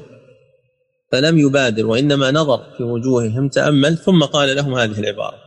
حتى يكون هذا الكلام عن الصدق ولا وحتى لا يكون كاذبا في قوله إني أحبكم وهو ليس كذلك. فرحمه الله وغفر له هذا يسمى المسلسل بالمحبة وهو من المسلسلات الصحيحة. نعم. حدثنا مسدد حدثنا مسدد وخليفة قال حدثنا بشر بن المفضل قال حدثنا الجريري عن أبي الورد عن أبي محمد الحضرمي عن ابي أيوب الأنصاري رضي الله تعالى عنه قال قال رجل عند النبي صلى الله عليه وسلم الحمد لله حمدا كثيرا طيبا مباركا فيه. فقال النبي صلى الله عليه وسلم من صاحب الكلمة فسكت وراى انه هاجم من النبي صلى الله عليه وسلم على شيء كرهه فقال من هو؟ فلم يقل إلا صوابا فقال رجل أنا أرجو بها الخير. فقال والذي نفسي بيده رأيت ثلاثة عشر ملكا يبتدرون أيهم يرفعها إلى الله عز وجل. هذا الإسناد فيه ضعف لأجل أبي محمد الحضرمي ولكن المتن جاء من طرق أخرى. نعم. حدثنا أبو النعمان قال حدثنا سعيد بن زيد قال حدثنا العدد ليس ثلاثة عشر في الطريقة الأخرى وإنما كذا وثلاثين. لماذا؟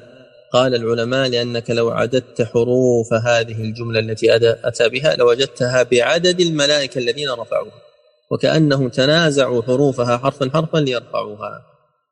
نعم. حدثنا أبو النعمان قال حدثنا سعيد بن زيد قال حدثنا عبد العزيز بن صهيب قال حدثني أنس رضي الله تعالى عنه قال كان النبي صلى الله عليه وسلم إذا أراد أن يدخل الخلاء قال اللهم إني أعوذ بك من الخبث من الخبث والخبائث. هذا متفق عليه، لكن من منكم يعرف من صاحب تلك الفائدة الذي ربط بين حروف هذه الجملة وبين عدد الملائكة الذين ذكروا في الحديث، من يعرف؟ يا أبو عمر لا لا لا ابن هبيرة أحسنت. الوزير بن هبيرة. نعم واصل. الله إليكم قال حدثنا مالك بن إسماعيل قال حدثنا اسرائيل عن يوسف بن أبي بردة عن أبي عائشه رضي الله تعالى عنها قالت كان رسول الله صلى الله عليه وسلم إذا خرج من الخلاء قال غفرانك. صحيح. أو حسن لأجل يوسف بن أبي بردة. نعم. حدثنا إبراهيم بن المنذر قال حدثنا بكر بن سليم الصواف قال حدثني حميد بن زياد الخراط عن كريب مولى ابن عباس قال حدثنا ابن عباس رضي الله تعالى عنهما قال كان النبي صلى الله عليه وسلم يعلمنا هذا الدعاء كما يعلمنا السورة من القرآن أعوذ بك من عذاب جهنم وأعوذ بك من عذاب القبر وأعوذ بك من فتنة المسيح الدجال وأعوذ بك من فتنة المحيا والممات وأعوذ بك من فتنة القبر. رواه مسلم. نعم. حدثنا علي بن عبد الله قال حدثنا المهدي عن سفيان عن سلمة بن كهيل عن كريب عن ابن عباس رضي الله تعالى عنهما قال بت عند ميمونة فقام النبي صلى الله عليه وسلم فأتى حاجته فغسل وجهه ويديه ثم نام. ثم قام فأتى القربة فأطلق شناقها ثم توضأ وضوءا بين وضوءين لم يكثر وقد أبلغ وقد أبلغ. فصلى فقمت فتمطيت كراهية أن يرى أني قد كنت أتقي. فتوضأت فقام يصلي فقمت عن يساره فأخذ بأذني فأدارني عن يمينه. فتتامت صلاته من الليل ثلاث عشرة ركعة. ثم اضطجع فنام حتى نفخ. وكان إذا نام نفخ فآذنه بلال بالصلاة. فصلى ولم يتوضأ وكان في دعائه اللهم اجعل في قلبي نورا وفي بصري نورا وفي سمعي نورا وعن يميني نورا وعن يساري نورا وفوقي نورا وتحتي نورا وأمامي نورا وخلفي نورا وأعظم لي نورا. قال كريب سبعا في التابوت فلقيت رجلا من ولد العباس فحدثني بهن فذكر عصبي ولحمي ودمي وشعري وبشري وذكر خصلتين. في بعض النسخ قال وفي بصري نورا قبل وفي سمعي نورا وهذا حديث متفق عليه. ولكن جاء في بعض ألفاظه في صحيح مسلم أنه قال ذلك في السجود أي هذا الدعاء الطويل. وفي بعض طرقه أنه قال ذلك في خروجه للمسجد. وهذا الحديث حديث صحيح ولا مانع أن يقوله الإنسان في كلا الحالتين. ومعنى كنت أتقيه أي أرتقبه أو أراقبه. وسفيان في الإسناد هو الثوري. نعم.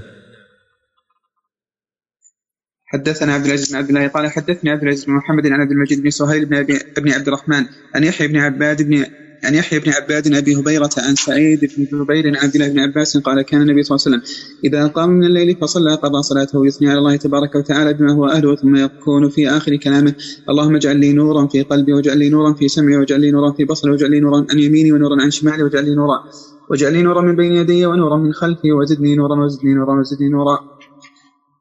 هذه رواية أخرى أنه بعد انقضاء الصلاة يعني في السجود وبعد الصلاة وحين الذهاب إلى المسجد.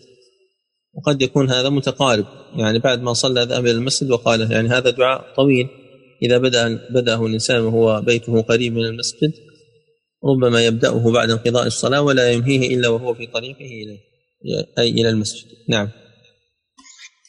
حدثنا إسماعيل قال حدثنا مالك بن أبي الزبير عن طاووس اليماني عن عبد الله بن عباس رضي الله عنهما قال كان رسول الله صلى الله عليه وسلم إذا قام إلى الصلاة من جوف الليل قال اللهم لك الحمد أنت نور السماوات والأرض ومن فيهن ولك الحمد أنت قيام السماوات والأرض ولك الحمد أنت رب السماوات والأرض ومن فيهن أنت الحق ووعدك الحق ولقاؤك الحق والجنة حق والنار حق والساعة حق اللهم لك أسلمت وبك آمنت وعليك توكلت وإليك أنبت وبك خاصمت وإليك حكمت فاغفر لي ما قدمت وما أخرت وما أسررت وما أعلنت وأنت إلهي لا إله إلا أنت.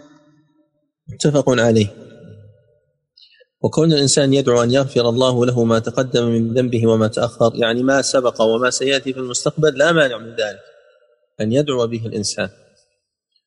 وقد حصل ذلك لنبينا صلى الله صلى الله عليه وسلم قال تعالى بسم الله الرحمن الرحيم إنا فتحنا لك فتحا مبينا ليغفر لك الله ما تقدم من ذنبك وما تأخر ويتم نعمته عليك ويهديك صراطا مستقيما. ولكن ذكر أبو العباس بن تيمية وأبو الفدا من كثير في تفسيره رحمهم الله أنه لم يصح ثوابا لحديث آه ثوابا لفعل أن من فعله يغفر له ما تقدم من ذنبه وما تأخر وإنما ما تقدم فقط.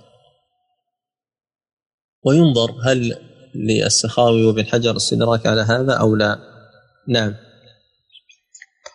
الله عليكم قال حدثنا الوليد بن مسلم بن صالح قال حدثنا عبد الله بن عمرو عن زيد بن أبي أنيس عن يونس بن خباب عن نافع بن جبير بن مطعم ابن عباس رضي الله تعالى عنهما قال كان النبي صلى الله عليه وسلم يدعو اللهم إني أسألك العفو والعافية في الدنيا والآخرة اللهم إني أسألك العافية في ديني في ديني وأهلي واستر عورتي وامن رواتي واحفظني من بين يدي ومن خلفي وعن يميني وعن يساري ومن فوقي واعوذ وأعوذ بك أن أغتال من تحتي.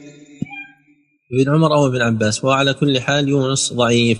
يونس بن خباب ضعيف. قال الهيثمي فيه يونس بن خباب وهو ضعيف. نعم. حدثنا علي قال حدثنا مروان بن معاوية قال حدثنا عبد الواحد بن أيمن قال حدثنا عبيد بن رفاعة الزرقي عن أبيه قال لما كان يوم أحد وانكفى المشركون قال رسول الله صلى الله عليه وسلم استووا حتى اثني على ربي عز وجل فصاروا خلفه صفوف فقال اللهم لك الحمد كله اللهم لا قابض لما بسطت ولا مقرب لما باعدت ولا مباعد لما قربت ولا معطي لما منعت ولا مانع لما أعطيت. اللهم ابسط علينا من بركاتك ورحمتك وفضلك ورزقك. اللهم إني أسألك النعيم المقيم الذي لا يحول ولا يزول. اللهم إني أسألك النعيم يوم العيلة والأمن يوم الخوف. اللهم عائذا بك من سوء ما أعطيتنا وشر ما منعت منا. اللهم حبب إلينا الإيمان وزينه في قلوبنا وكره إلينا الكفر والفسوق والعصيان. واجعلنا من الراشدين. اللهم توفنا مسلمين. وأحينا مسلمين وألحقنا بالصالحين غير خزايا ولا مفتونين. اللهم قاتل الكافرة الذين يصدون عن سبيلك ويكذبون رسلك واجعل عليهم جزك وعذابك. اللهم قاتل الكافرة الذين أوتوا الكتاب إله الحق. قال علي سمعت من محمد البشر وأسنده ولا أجيء به. ولا أجيء به ونقلت عنه أنه قال ولا أضبطه. يعني لا أتقنه حتى أجيء به على وجهه. وهذا الحديث في السير الجزء المتعلق بتاريخ الإسلام من سير أعلام النبلاء يعني الذي أخذ من تاريخ الإسلام فيه أن الذهبي قال حديث غريب منكر وقال أيضا في تلخيصه للمستدرك عقب تصحيح الحاكم له لم يخرجا أي البخاري ومسلم لعبيد وهو ثقة عبيد بن رفاعة الزرقي. والحديث مع نظافة إسناده منكر أخاف أن يكون موضوعا أخاف أن يكون موضوعا والشيخ عبد الله سعد قال بأنه لا نكارة فيه وهذا الحديث اختلف في وصله وإرساله فهذا الذي معنا موصول من حديث رفاع الزرقي مسند ولكن رواه النسائي في عمل اليوم والليلة عن زياد بن أيوب ولقبه دلوية قال حدثنا مروان أي بن معاوية به. ثم قال عقبة خالفه أبو نعيم فأرسله. ثم ذكره عن إسحاق بن منصور عن عبد الواحد عن عبيد مرسلا يعني ليس فيه ذكر رفاع الزرقي. وقد صححه ابن حبان والحاكم. فلعل النكارة في الإسناد وليس في المتن. وأما الغرابة فواضحة لأن مدارها على عبد الواحد عبد الواحد بن أيمن واختلف فيه. عبد الواحد بن أيمن عن عبيد عن أبيه فيكون موصولا صحيحا. أو عبد الواحد بن أيمن عن عبيد مرسلا إلى النبي صلى الله عليه وسلم دون ذكر الصحابي. نعم. صلى الله عليكم باب الدعاء عند الكرب. حدثنا مسلم قال حدثنا هشام قال حدثنا قتادة. عن أبي العالية عن ابن عباس رضي الله تعالى عنهما قال كان النبي صلى الله عليه وسلم يدعو عند الكرب لا إله إلا الله العظيم الحليم. لا إله إلا الله رب السماوات والأرض ورب العرش العظيم. متفق عليه وله ألفاظ أخرى في الصحيح. يؤخذ اللفظ الأشبع. وأظنه رواية الأكثر. لا إله إلا الله العظيم الحليم لا إله إلا الله رب العرش العظيم لا إله إلا الله رب السماوات ورب الأرض ورب العرش الكريم. نعم. صلى الله عليكم. قال حدثنا عبد الله بن محمد قال حدثنا عبد الملك بن عمرو قال حدثنا عبد الجليل عن جابر بن ميمون قال حدثنا عبد الرحمن بن بكر انه قال لابيه يا أبتي إني أسمع إني أسمعك تدعو كل غداة اللهم عافني في بدني اللهم عافني في سمعي اللهم عافني في بصري لا إله إلا أنت تعيدها ثلاثا حين تمسي وحين تصبح ثلاثا. وتقول اللهم اني اعوذ بك من الكفر والفقر اللهم اني اعوذ بك من عذاب القبر لا إله إلا أنت تعيدها ثلاثا حين تمسي وحين تصبح ثلاثا فقال نعم. يا بني سمعت رسول الله صلى الله عليه وسلم يقول بهن وأنا أحب أن أستنى بسنته قال قل قال وقال رسول الله صلى الله عليه وسلم دعوات المكروب اللهم رحمتك أرجو ولا تكلني لنفسي طرفة عين وأصلح لي شأني كله لا إله إلا أنت. هذا الحديث رواه أحمد وأبو داود والنسائي في الكبرى. قال النسائي جعفر بن ميمون ليس بالقوي في الحديث فهذه علة هذا الإسناد. ولكنه جاء أيضا عند النسائي وغيره من طريق أخرى تنتهي إلى مسلم بن أبي بكر عن أبيه أن هذا يقال دور كل صلاة. اللهم عافني في بدني اللهم عافني في سمعي اللهم عافني في بصري أو نحو ذلك. المهم أن هذا مرفوعا دبر كل صلاة حديث حسن. أصح من الذي يقال في الصباح والمساء. والذي يقال في الصباح والمساء هذا ضعفه ليس بشديد كما ترون. جعفر بن ميمون فقط. وقد صححه ابن حبان ولم يذكر الشاهد منه. وقال ابن حجر هذا حديث حسن. أقصد الذي فيه أذكار الصباح والمساء. وقد تراجع الشيخ الألباني عن تضعيفه وحسنه. قال هذا إسناد لا بأس به في الشواهد. وشيخنا الشيخ عبد الله السعد قال إسناده لين. بسبب جعفر بن ميمون. نعم. صلى الله عليكم. قال حدثنا محمد بن قال حدثنا محمد بن عبد العزيز. قال حدثنا عبد الملك بن الخطاب بن عبيد الله بن أبي بكر. قال حدثني راشد بن أبو محمد عن عبد الله بن الحارث قال سمعت ابن عباس رضي الله تعالى عنهما يقول كان النبي صلى الله عليه وسلم يقول عند الكرب لا إله إلا الله العظيم الحليم. لا إله إلا الله رب العرش العظيم. لا إله إلا الله رب السماوات ورب الأرض ورب العرش الكريم. اللهم اصرف شره. هذا اشبع الألفاظ. وهو صحيح. نعم. لكن زيادة اللهم اصرف شره ليست في الصحيح. يعني الحديث بغير هذا الإسناد جاء في الصحيح كما سبق معنا. بغير هذا الإسناد. لكن هذا الإسناد فيه زيادة اللهم اصرف شره. نعم. باب الدعاء عند الاستخارة. حدثنا مطرف بن عبد الله أبو المصعب قال حدثنا عبد الرحمن بن الموالي عن محمد بن المنكدر عن جابر رضي الله تعالى عنه قال كان النبي صلى الله عليه وسلم يعلمنا الاستخارة. في الأمور كالسورة من القرآن اللهم إذا هم أحدكم بالأمر فليركع ركعتين ثم يقول اللهم إني أستخيرك بعلمك وأستقدرك بقدرتك وأسألك من فضلك العظيم فإنك تقدر ولا أقدر وتعلم ولا أعلم وأنت علام الغيوب. اللهم إن كنت تعلم أن هذا الأمر خير لي في ديني ومعاشي وعاقبة أمري أو قال في عاجل أمري وآجله فاقدره لي. وإن كنت تعلم أن هذا الأمر شر لي في ديني ومعاشي وعاقبتي وعاقبتي أو قال عاجل أمري وآجله فاصرفه عني واصرفني عنه. واقدر لي الخير حيث كان ثم ردني ويسمي حاجته. في بعض النسخ وعاقبة أمري أو قال عاجل أمري وآجله. وهذا حديث رواه البخاري في صحيحه كما رواه هنا. ومن الفوائد النفيسة النادرة أن هذا الحديث له شاهد عند الطبراني في مسند الشاميين. من طريق محمد بن إسحاق قال حدثني عيسى بن عبد الله بن مالك الدار عن محمد بن عمرو بن عطاء عن عطاء بن يسار عن أبي سعيد الخدري رضي الله عنه. وهذا حديث حسن. وأما حديث جابر فهو حديث صحيح. والإنسان يأتي بهذا الدعاء عقب السلام يصلي ركعتين ثم بعد أن يسلم يقول ذلك وليس قبل السلام. لأنه قال فليصلي ركعتين ثم ليقول وهو إذا قالها قبل السلام لم يصلي بعد ركعتين لم يكمل الصلاة. نعم. السلام عليكم. قال حدثنا إبراهيم بن مدري قال حدثنا سفيان بن حمزة قال حدثني كثير بن زيد عن عبد الرحمن بن كعب قال سمعت جابر بن عبد الله رضي الله عنه يقول دعا رسول الله صلى الله عليه وسلم في هذا المسجد مسجد الفتح. يوم الاثنين ويوم الثلاثاء ويوم الأربعاء فاستجيب له بين الصلاتين من يوم الأربعاء. قال جابر ولم ينزل بي أمر مهم غائض إلا توخيت تلك الساعة. فدعوت الله فيه بين الصلاتين يوم الأربعاء في تلك الساعة إلا عرفت الإجابة. هذا حديث حسن. كثير بن زيد كما سبق حديثه حسن وقد تكلم فيه كثير من أهل العلم. لكن مشى حديثه الجماعه فيكون حسن الحديث. وقد روى هذا الحديث البخاري في الأدب المفرد كما بين أيدينا وابن أبي شيبة في مصنفه وابن سعد في الطبقات والبيهقي في الشعب ومن أيضا والإمام أحمد في مسنده والإمام أحمد في مسنده. وألفاظهم متقاربة منهم من يقول مسجد الفتح ومنهم من يقول مسجد الأحزاب لكن الأيام محفوظة والمقصود بين الصلاتين أي بين الظهرين. صلاة الظهر والعصر. والروايات يبين بعضها بعضا. ودل هذا الحديث على أن هذا من مواطن الإجابة من المواطن التي يرجى فيها الإجابة أن يدعو الإنسان يوم الأربعاء كيومنا هذا بعد صلاة الظهر. وقد ذكر أبو العباس بن تيمية أن بعض الحنابلة كان يعمل بذلك. ذكره في بعض كتبه أن بعض الحنابلة كان يعمل بهذه السنة. ثم هذه السنة في في ثم هذه السنة في تحري هذا الوقت وليس في تحري المسجد أو البقعة. والدليل على ذلك هو أن جابر رضي الله عنه لم يكن يتحرى المكان وإنما كان يتحرى الزمان. قال إلا توفيت تلك الساعة فدعوت الله فيها. فكونه يكون بعد صلاة في مسجد أفضل مسجد من المساجد وإلا فلو دعا الإنسان في بيته فهو لا يخرج عن كونه آه، وقت إجابة. نعم. السلام عليكم. قال حدثنا علي حدثنا علي عن خالد بن خليفة قال حدثني حفص حفص بن أخي أنس عن أنس رضي الله تعالى عنه قال كنت مع النبي صلى الله عليه وسلم فدعا رجل فقال يا بديع السماوات يا حي يا قيوم إني أسألك فقال تدرون بما دعا والذي نفسي بيده دعا الله عز وجل باسمه الذي إذا دعي به أجاب.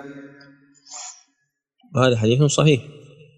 وخالف بن خليفة الأشجعي قيل عنه بأنه ختمت به طبقة التابعين.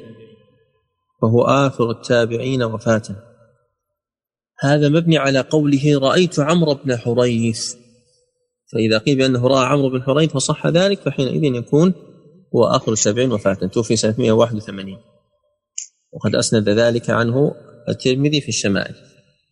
لكن أحمد وهو تلميذه قد أنكر ذلك. يقول سفيان بن عيينة وشعبة ما رأوا عمرو بن حريث؟ يرى خلف بن خليفة. أحد من أولئك زعم أنه رأى هذا الصحابي وقالوا بأنه اشتبه عليه يعني رأى ولد عمرو بن حريث فظنه عمرو بن حريث. فهذا مبني على الخلاف في ذلك هل رآه أو ما رآه. ومن هنا ذكر ابن حجر أن القرون ليست بسنوات معينة خير الناس قرني ثم الذين يلونهم ثم الذين يلونهم تحديدا إلى متى؟ اختلف في القرن على سبعة أو تسعة أقوال.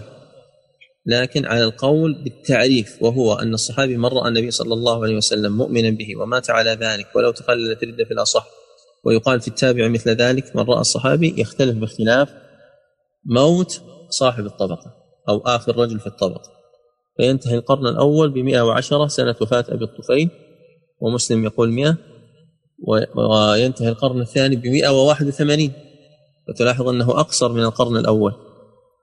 181 بموت خالف بن خليفة وقيل غير ذلك وتنتهي الطبقة التي تليها ب 220 أو 230 يعني في هذه الحدود. وعلى القول بأن القرن 100 سنة فينتهي القرن الأول ب 100 والثاني ب 200 والثالث ب 300 وقيل أكثر من 100 وأقل. ذكر الأقوال في ذلك العراقي في شرحه بمنظومته شرح التبصرة والتذكرة ذكر الأقوال في هذا. وأما هذه الفائدة فقد ذكرها ابن حجر في فتح الباري أظن في موضعين من الفتح فيما يتعلق ب آه، انخرام القرن. نعم. السلام عليكم. قال حدثنا علي قال قال حدثنا يحيى بن سليمان قال حدثنا ابن وهب قال أخبرني عمرو بن حريث عن يزيد بن أبي حبيب عن ابي الخير أنه سمع عبد الله بن عمرو رضي الله تعالى عنهما قال قال أبو بكر رضي الله عنه النبي صلى الله عليه وسلم علمني دعاء دعاء أدعو به في صلاتي. قال قال اللهم إني ظلمت نفسي ظلما كثيرا ولا يغفر الذنوب إلا أنت فاغفر لي من عندك مغفرة إنك أنت الغفور الرحيم. متفق عليه وجاء بلفظين. ظلمت نفسي ظلما كبيرا ظلمت نفسي ظلما كثيرا فينوع الإنسان بينهما. نعم. السلام عليكم. باب الدعاء إذا خاف السلطان.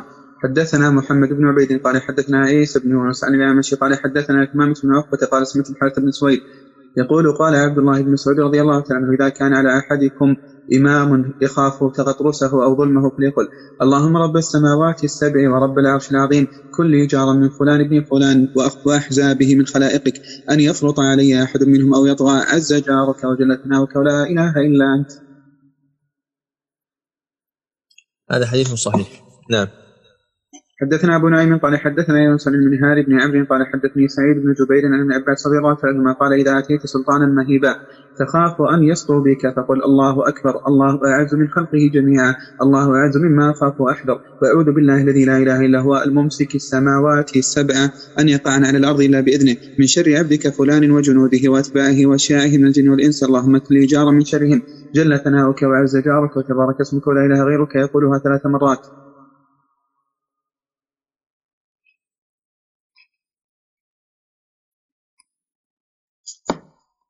نعم هذا موقوف وهو صحيح. نعم. حدثنا موسى قال حدثنا سفيان بن عبد العزيز بن قيس قال أخبرني أبي أن ابن عباس رضي الله عنهما حدثه قال من نزل به هم أو غم أو كرب أو خاف من سلطانه أو خاف من سلطان فدعا بهؤلاء استجيب له. أسألك بلا إله إلا أنت رب السماوات السبع ورب العرش العظيم وأسألك بلا إله إلا أنت رب السماوات السبع ورب العرش الكريم وأسألك بلا إله إلا أنت رب السماوات السبع والارضين السبع وما فيهن إنك على كل شيء قدير. ثم سل الله عز وجل حاجتك. هذا ضعيف. سكين بن عبد العزيز ضعيف.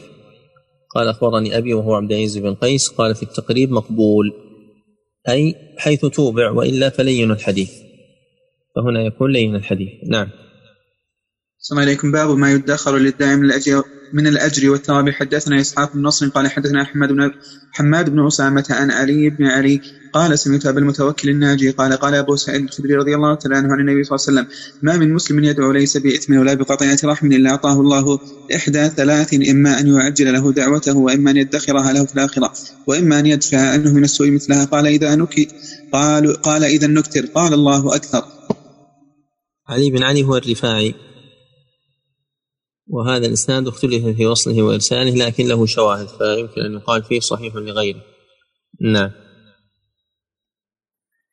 حدثنا ابن شيبة قال حدثنا ابن أبي الفديك قال حدثني عبيد الله بن موهب عن عمه عبيد الله عن أبي هريرة رضي الله تعالى عنه عن النبي صلى الله عليه وسلم قال ما من مؤمن ينصب ما من مؤمن ينصب وجهه إلى الله يسأله مسألة إلا أعطاه إياها.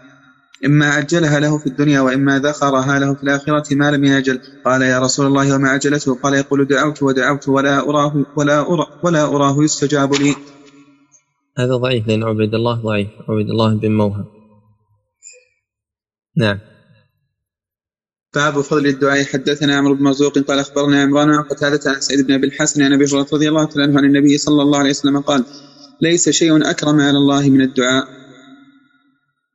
سعيد بن أبي الحسن هو أخو الحسن البصري الحسن بن أبي الحسن يسار البصري. وهذا علته عمران بن داور القطان. فأصل الأصل في حديث عمران هو الحسن ولكن هذا الحديث بالذات قد استغربه الترمذي. وقال العقيلي لا يتابع عليه أي عمران. ونص على تفردها البزار والطبراني. وفي المقابل صححه ابن حبان والحاكم وابن القطان الفاسي فالأقرب أن هذا الحديث فيه ضعف.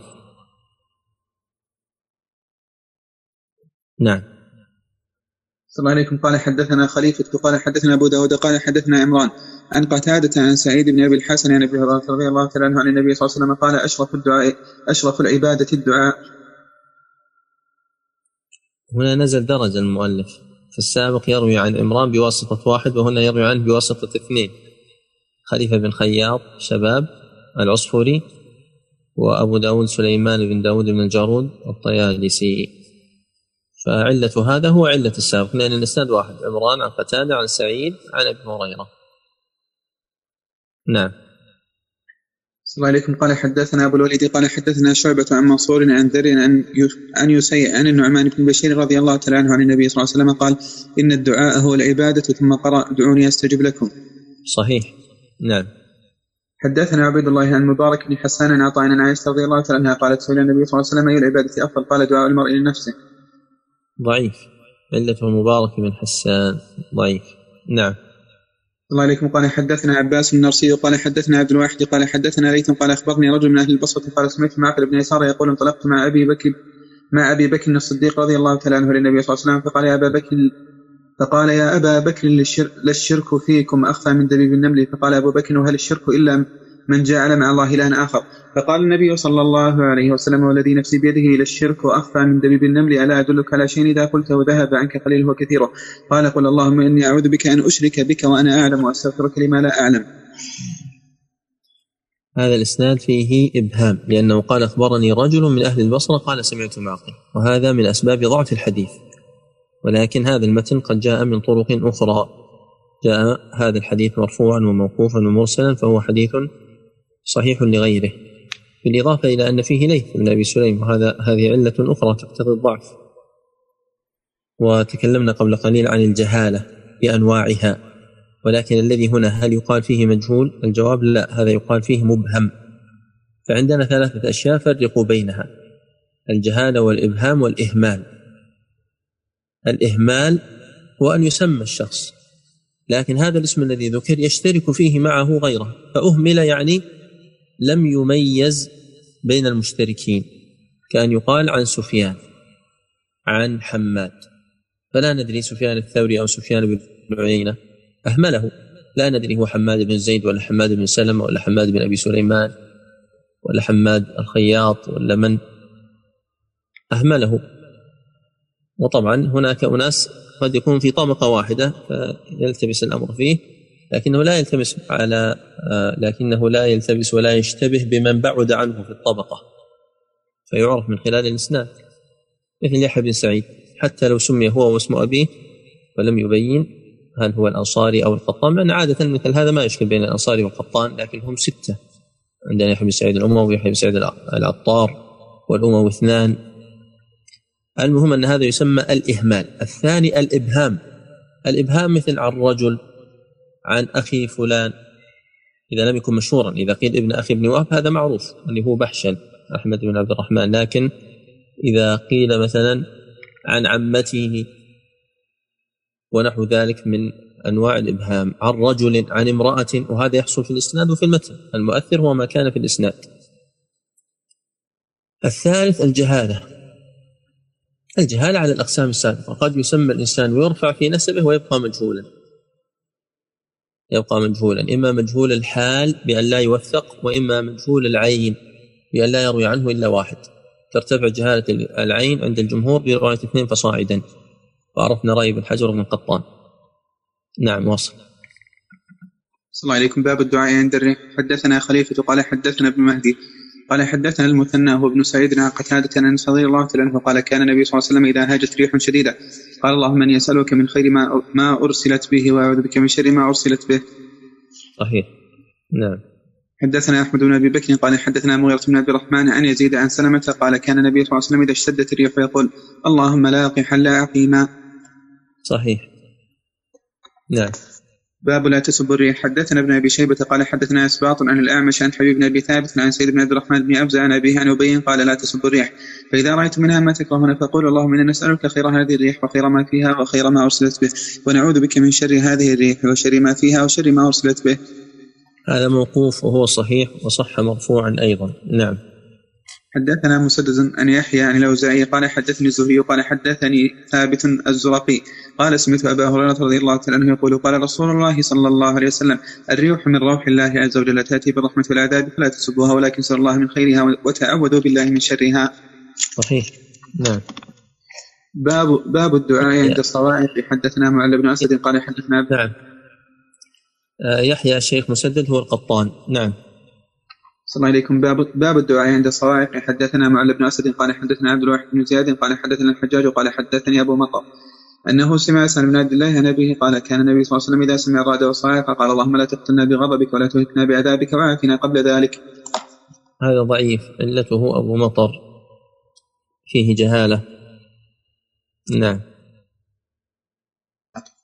باب باب إذا سمع الرعد حدثنا بشر قال حدثنا موسى بن عبد العزيز قال حدثني الحكم قال حدثني اكرمه أن ابن عباس رضي الله تعالى عنهما كان إذا سمع صوت الرعد قال سبحان الذي سبحت له قال إن الرعد ملك ينعق ينعق بالغيث كما ينعق الراعي بغنمه.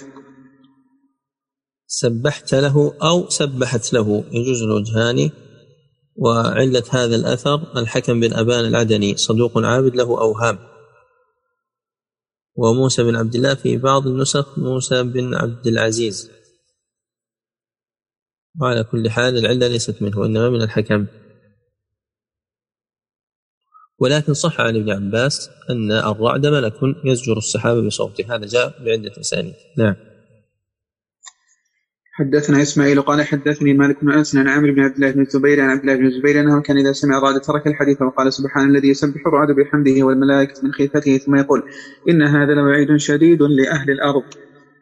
هذا رواه مالك في الموطأ وهو صحيح. صحيح موقوفا عن عبد الله بن الزبير، نعم. صلى الله عليكم. باب من سأل الله العافية حدثنا آدم قال حدثنا شعبة قال حدثنا يزيد بن خمير قال سمعت سليم بن عامر عن, عن أوسط بن إسماعيل قال سمعت أبا بكر الصديق رضي الله تعالى عنه بعد وفاة النبي صلى الله عليه وسلم قال قام النبي صلى الله عليه وسلم عام أول مقامي هذا ثم بكى أبو بكر ثم قال عليكم بالصدق فإنه مع البر وهما في الجنة وإياكم الكذب فإنه, فإنه مع الفجور وهما في النار. وصل الله المعافاة فإنه لم يؤت بعد اليقين خير من المعافاة ولا تقاطع ولا تدابر ولا تحاسد ولا تباغض وكونوا عباد الله إخوانا. هذا صحيح. وأوسط بن إسماعيل هو البجلي وهو من كبار التابعين من المخضرمين. وسويد بن حجير في بعض النسخ جاء يزيد بن خمير. وآدم هذا من هو؟ آدم بن أبي إياس. نعم. صلى الله عليكم قال حدثنا قبيصة قال حدثنا سفيان عن الجريري وعن أبي الورد عن اللجلاج عن معاذ رضي, الله تعالى عنه قال مر النبي صلى الله عليه وسلم على رجل يقول اللهم إني أسألك تمام النعمة قال هل تدري ما تمام النعمة؟ قال تمام النعمة دخول الجنة والفوز من النار ثم مر على رجل يقول اللهم إني أسألك الصبر قال قد سألت ربك البلاء فاساله العافية ومر على رجل يقول يا ذا الجلال والإكرام قال سل هذا حسن اللجلاج العامري صحابي. على خلاف في صحبته لكن أثبت ابن حجر صحبته. واختلاف الجريري غير مؤثر كما سبق معنا. وفيه الإنسان لا يسأل الصبر لأن سؤال الصبر متضمن لسؤال البلاء. لكن يسأل الله المعافاة والعافية يعني السلامة لأن المعافاة والعافية تطلق على المعافاة من البلاء إذا نزل والسلامة من البلاء قبل أن ينزل. كلاهما يدخل فيه العافية. والمعافاة أيضا. في العافية والمعافاة والله أعلم. نعم. صلى الله عليكم. قال حدثنا فروة قال حدثنا عبيدة عن يزيد بن أبي زياد عن عبد الله بن الحارث عن العباس بن عبد المطلب قال قلت يا رسول الله علمني شيئا أسأل الله به؟ فقال يا عباس أسأل الله العافية. ثم مكثت ثلاثا ثم جئت فقلت علمني شيئا أسأل الله به يا رسول الله. قال يا عباس يا عم رسول الله أسأل الله العافية في الدنيا والآخرة. حسن لغيره وهذا إسناد ضعيف. علته يزيد بن أبي زياد الهاشمي وهو ضعيف. وعبد الله بن الحارث بن نوفل قد سمع من العباس بن عبد المطلب كما قال الترمذي. وكما ذكرنا أن هذا حسن لغيره يعني جاء بأسانيد أخرى غير هذا الإسناد. وعبيدة بالفتح بفتح العين ليس عبيدة فقراءتك صحيحة لأنه عبيدة بن حميد بن صهيب. فهذا ممن هو مفتوح مثل عبيدة بن عمرو وقيل بن قيس السلماني. نعم واصل. صلى الله عليكم. باب من كره الدعاء بالبلاء. حدثنا أحمد بن يونس قال حدثنا أبو بكر عن حميد عن أنس رضي الله تعالى عنه قال قال رجل عند النبي صلى الله عليه وسلم اللهم لم اللهم لم تعطني مالا فأتصدق به فابتلني ببلاء يكون أو قال فيه أجر.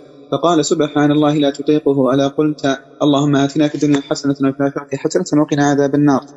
صحيح نعم. حدثنا أحمد بن يونس قال حدثنا زهير قال حدثنا حميد ان أنس رضي الله تعالى عنه قال دخل قال دخل قلت لحميد النبي صلى الله عليه وسلم قال نعم. دخل على رجل قد جاهد من المرض فكأنه فرق منتوف قال ادعو الله قال ادعو الله بشيء أو سله فجعل يقول اللهم ما أنت معذب به في الآخرة فاجله في الدنيا. فقال سبحان الله لا تستطيعه أو قال لا تستطيعه. ألا قلت اللهم آتنا في الدنيا حسنة وفي الآخرة حسنة وقنا عذاب النار. ودعا له فشفاه الله عز وجل. صحيح. والأول مختصر من هذا. نعم. والثاني في مسلم. واصل. باب من تعوذ بالله من جهد البلايا. حدثنا عمرو بن حفص قال حدثنا أبي قال حدثنا الامش قال حدثني مجاهد. عن عبد الله بن عمرو رضي الله تعالى عنهما قال يقول رجل اللهم إني أعوذ بك من جهد البلاء ثم يسكت. فإذا قال ذلك فليقل إلا بلاء فيه علاء هذا موقوف على عبد الله بن عمرو. وهو صحيح. نعم. حدثنا محمد بن سلام قال حدثنا سفيان بن عيينة عن سمي عن أبي صالح عن أبي هريرة رضي الله تعالى عنه النبي صلى الله عليه وسلم كان يتعوذ من جهد البلاء ودرك الشقاء وشماتة الأعداء وسوء القضاء. متفق عليه. نعم. باب من حكى كلام الرجل عند العتاب حدثنا عبد الله بن أبي بكر ومسلم نحوه. قال حدثنا الأسود بن شيبان عن أبي نوفل بن أبي عقرب أن أباه سأل النبي صلى الله عليه وسلم عن الصوم فقال صم يوم من كل شهر. قلت بأبي أنت وأمي زدني. قال زدني زدني. صم يوم صم يومين من كل شهر. قلت بأبي أنت بأبي أنت وأمي زدني فإني أجدني قويا. فقال إني أجدني قويا إني أجدني قويا فأفحم حتى ظننت أنه لن يزيدني ثم قال صم ثلاثة من كل شهر. هذا التبويب تبويب فقيه. باب من حكى كلام الرجل عند العتاب. لأنه جاء في سنن أبي داود النهي عن محاكاة الآخرين. ما يسرني أني حاكيت شخصا كما في حديث عائشة. فالأصل هو عدم جواز المحاكاة وتقليد الآخرين. فكأن المؤلف عندما ذكر هذا القيد وهو عند العتاب وذكر هذا الحديث تحته يقول أن هذا مما يستثنى. ولكن لو صح لكان ذلك على العين والرأس. فالحديث الذي ذكر هنا هذا الحديث معلول معلول لأن ظاهره الصحة الذي ينظر مع ظاهر الإسناد ويقف مع ظاهر الإسناد يصححه. لكن أبا حاتم الرازي قال الثقات لا يقولون عن أبيه. الثقات لا يقولون عن أبيه يعني أبي نوفل بن أبي عقرب عن النبي صلى الله عليه وسلم مباشرة أو أن أباه كما هنا أن أباه سأل النبي صلى الله عليه وسلم لم يقل عن أبيه. هذا فيه ترجيح الإرسال. فالإسناد الذي معنا هو الإسناد المرسل. جاء في إسناد آخر عن أبي نوفل بن أبي عقرب عن أبيه. هذا يكون متصل. الذي يقف مع ذاك الإسناد الذي ظاهره الاتصال يصححه. لكن بهذا الإسناد الذي ذكره المؤلف هنا هو مرسل. لماذا؟ لأن التابعي إذا قال أنه حصل كذا وكذا ولم يذكر الصحابي الذي نقل له ذلك يكون مرسلا. واضح الفرق بين عن أبيه وأن أباه؟ نعم. الشاهد من هذا الحديث هو زدني زدني وإني أجدني قويا إني أجدني قويا يعني في مثل هذا المقام إذا قاله الإنسان لا يدخل في ذاك واصل صلى الله عليكم باب حدثنا أبو معمر قال حدثنا عبد الوارث عن واصل مولى أبي عيينة قال حدثني خالد بن عرفطة عن طلحة بن نافع عن جابر بن عبد الله رضي الله عنهما قال كنا مع رسول الله صلى الله عليه وسلم وارتفعت ريح خبيثة منتنة فقال تدرون ما هذه؟ هذه ريح الذين يغتابون المؤمنين. هذا حسن وطلحة بن نافع هو أبو سفيان. وقد يكون هذا حقيقة وقد يكون تشبيه تشبيه الريح المنتنة بأهل الغيبة نعم صلى الله عليكم. قال حدثنا مسدد قال حدثنا فضيل بن عياض عن سليمان عن أبي سفيان عن جابر رضي الله تعالى عنه قال هجت ريح متنة على عهد رسول الله صلى الله عليه وسلم فقال رسول الله صلى الله عليه وسلم فقال رسول الله صلى الله عليه وسلم إن ناس من المنافقين اغتابوا وناس من المسلمين فبعثت هذه الريح لذلك. هذا هو الحديث السابق. لأن أبا سفيان هو طلحة بن نافع وسليمان في هذا الإسناد هو سليمان بن مهران الأعمش الكوفي المتوفى سنة 148 ولذلك أهل تعبير الرؤى يأخذون مثل هذه الاستنباطات. فإذا جاءت ريح خبيثة في المنام يقصدون به خبر سيء. أن يستمع الإنسان خبرا سيئا أو يأتي إلى مسمعه كلام قبيح. مثل هذا. فالريح الممكنة غيبة. نعم. صلى الله عليكم. قال حدثنا عبد الله بن صالح. قال حدثني معاوية بن صالح عن كثير بن الحارث عن القاسم بن عبد الرحمن الشامي. قال سمعت قال سمعت ابن أم عبد يقول من من اغتيب عنده مؤمن فنصره جزاه الله بها خيرا في الدنيا والآخرة ومن اغتيب عنده مؤمن فلم ينصره جزاه الله بها في الدنيا والآخرة شرا. وما التقم أحد لقمة لق وما التقم أحد لقمة شر لقمة شر من اغتياب مؤمن إن قال فيه ما يعلم فقد اغتابه وإن قال فيه بما لا يعلم فقد بهته. حسن. موقوفا عن ابن مسعود رضي الله عنه. نعم. الله إليكم. باب الغيبة وقول الله تعالى ولا يغتب بعضكم بعضا. حدثنا محمد بن يوسف قال حدثنا النضر قال حدثنا أبو العوام عبد العزيز بن ربيع الباهلي وقال حدثنا أبو الزبير محمد عن جابر بن عبد الله رضي الله تعالى عنهما قال كنا مع رسول الله صلى الله عليه وسلم. فاتى على قبرين يعذب صاحبهما فقال فقال إنهما لا يعذبان في كبير. وبلى. اما أما أحدهما فكان يغتاب الناس وأما الآخر فكان لا يتأذى من البول فدعا بجريدة رطبه أو بجريدتين فكسرهما ثم أمر بكل كسرة فغرست على قبر فقال رسول الله صلى الله عليه وسلم أما إنه سيهون من عذابهما ما كانتا رطبتين أو لم تيبسا؟ هذا صحيح وقد جاء في الصحيحين من حديث ابن عباس وجاء في آخر صحيح مسلم خبر مشابه له في ضمن الحديث الطويل الذي أشرنا إليه حديث عبادة بن الوليد بن عبادة بن الصامت عن أبيه عن جابر وكونه لا يتأذى من البول يعني لا يبالي لا يستقبح وإذا كان لا يتأذى من إصابة البول لبدنه وثيابه فإنه لن يحترز منه. ولذلك جاء في رواية لا يستبرئ وجاء في رواية لا يستنزه. وقد جمع الروايات في ذلك ابن الملقن في الإعلام. فعدم تأذيه منه يعني أنه لا يبالي لا يؤذيه أن يصيب البول جسده لأنه لا يتطهر منه. نعم. صلى الله عليكم. قال حدثنا ابن نمير قال حدثني أبي قال حدثنا إسماعيل عن قيس قال كان عمرو بن العاص رضي الله عنه يسير مع نفر من أصحابه فمر على بغل ميت قد انتفخ فقال والله لأن يأكل أحدكم هذا حتى يمتلئ بطنه خير من أن يأكل لحم مسلم. صحيح. نعم. باب الغيبة للميت. حدثنا عمرو بن خالد قال حدثنا محمد بن سلمة عن أبي عبد الرحمن عن زيد بن أبي أنيس عن أبي الزبير عن عبد الرحمن أبي عبد الرحيم. عن أبي صلى الله عليكم. قال حدثنا عمرو بن خالد قال حدثنا محمد بن سلمة عن أبي عبد الرحيم عن زيد بن أبي أنيس عن أبي الزبير عن عبد الرحمن بن الهضهاض الدوسي عن أبي هريرة رضي الله تعالى عنه قال جاء ماعز بن مالك الأسلمي فرجمه النبي صلى الله عليه وسلم عند الرابعه فمر به رسول الله صلى الله عليه وسلم معه نفر من أصحابه فقد فقال رجلان منهم إن هذا الخائن اتى النبي صلى الله عليه وسلم مرارا كل كل ذلك يرده حتى قتل كما يقتل الكلب فسكت عنهم النبي صلى الله عليه وسلم حتى مر بجيفة حمار شائلة رجله فقال كلا من هذا. قال من جيفة حمار يا رسول الله. قال فالذي نلتما من عرض أخيكما آنفا أكثر والذي نفس محمد بيده إنه في نهر من أنهار الجنة يتغمس في نسخة إن هذا لخائن. طيب عبد الرحمن بن الهضهاض مجهول. فمقتضى القواعد أن يكون هذا الحديث ضعيفا لجهالة إسناده. لكن ذكر كما لا يخفى عليكم الذهبي في آخر كتاب ديوان الضعفاء والمتروكين أن الجهالة في طبقة كبار التابعين مغتفرة كيف وهو الدوسي كأبي هريرة والمتن مستقيم. فهذه قرائن تؤدي إلى أن يمشى هذا الحديث ويقال في مثله حديث لا بأس به ونحو ذلك. نعم. صلى الله عليكم. باب من مس رأس صبي مع ابيه وبرك عليه. حدثنا إسحاق قال أخبرنا حنظلة بن أمر الزرقي المدني قال حدثني أبو حزرة قال أخبرني عباده, عبادة بن الوليد بن عبادة بن الصامت قال خرجت مع أبي وأنا غلام شاب فنلقى شيخا قلت أي أم؟ ما يمنعك أن تعطي غلامك هذه النمرة؟ وتأخذ البردة فتكون عليك بردتان وعليه نمرة. فأقبل على أبي فقال ابنك هذا؟ قال نعم. فمسح على راس قال فمسح على رأسي وقال بارك الله فيك. أشهد لسمعت رسول الله صلى الله عليه وسلم يقول أطعمه مما تأكلون وأكسوه مما تكسون. يا ابن أخي ذهاب متاع الدنيا أحب إلي من أن يأخذ من متاع من متاع الآخرة. قلت أي بتاه من هذا الرجل؟ قال أبو اليسر كعب بن عمرو. هناك زيادة في نسختي. فلقينا شيخا عليه بردة ومعافري وعلى غلامه بردة ومعافري. في الحديث المرفوع واكسوهم مما تكتسون. وهذا قد رواه مسلم وأشرنا إليه قبل قليل في حديث طويل. بعد أن لقيا أبا اليسر ذهب إلى جابر بن عبد الله في مسجده وقد علق رداءه على أشجاب وصلى بهم إلى آخر الحديث. نعم.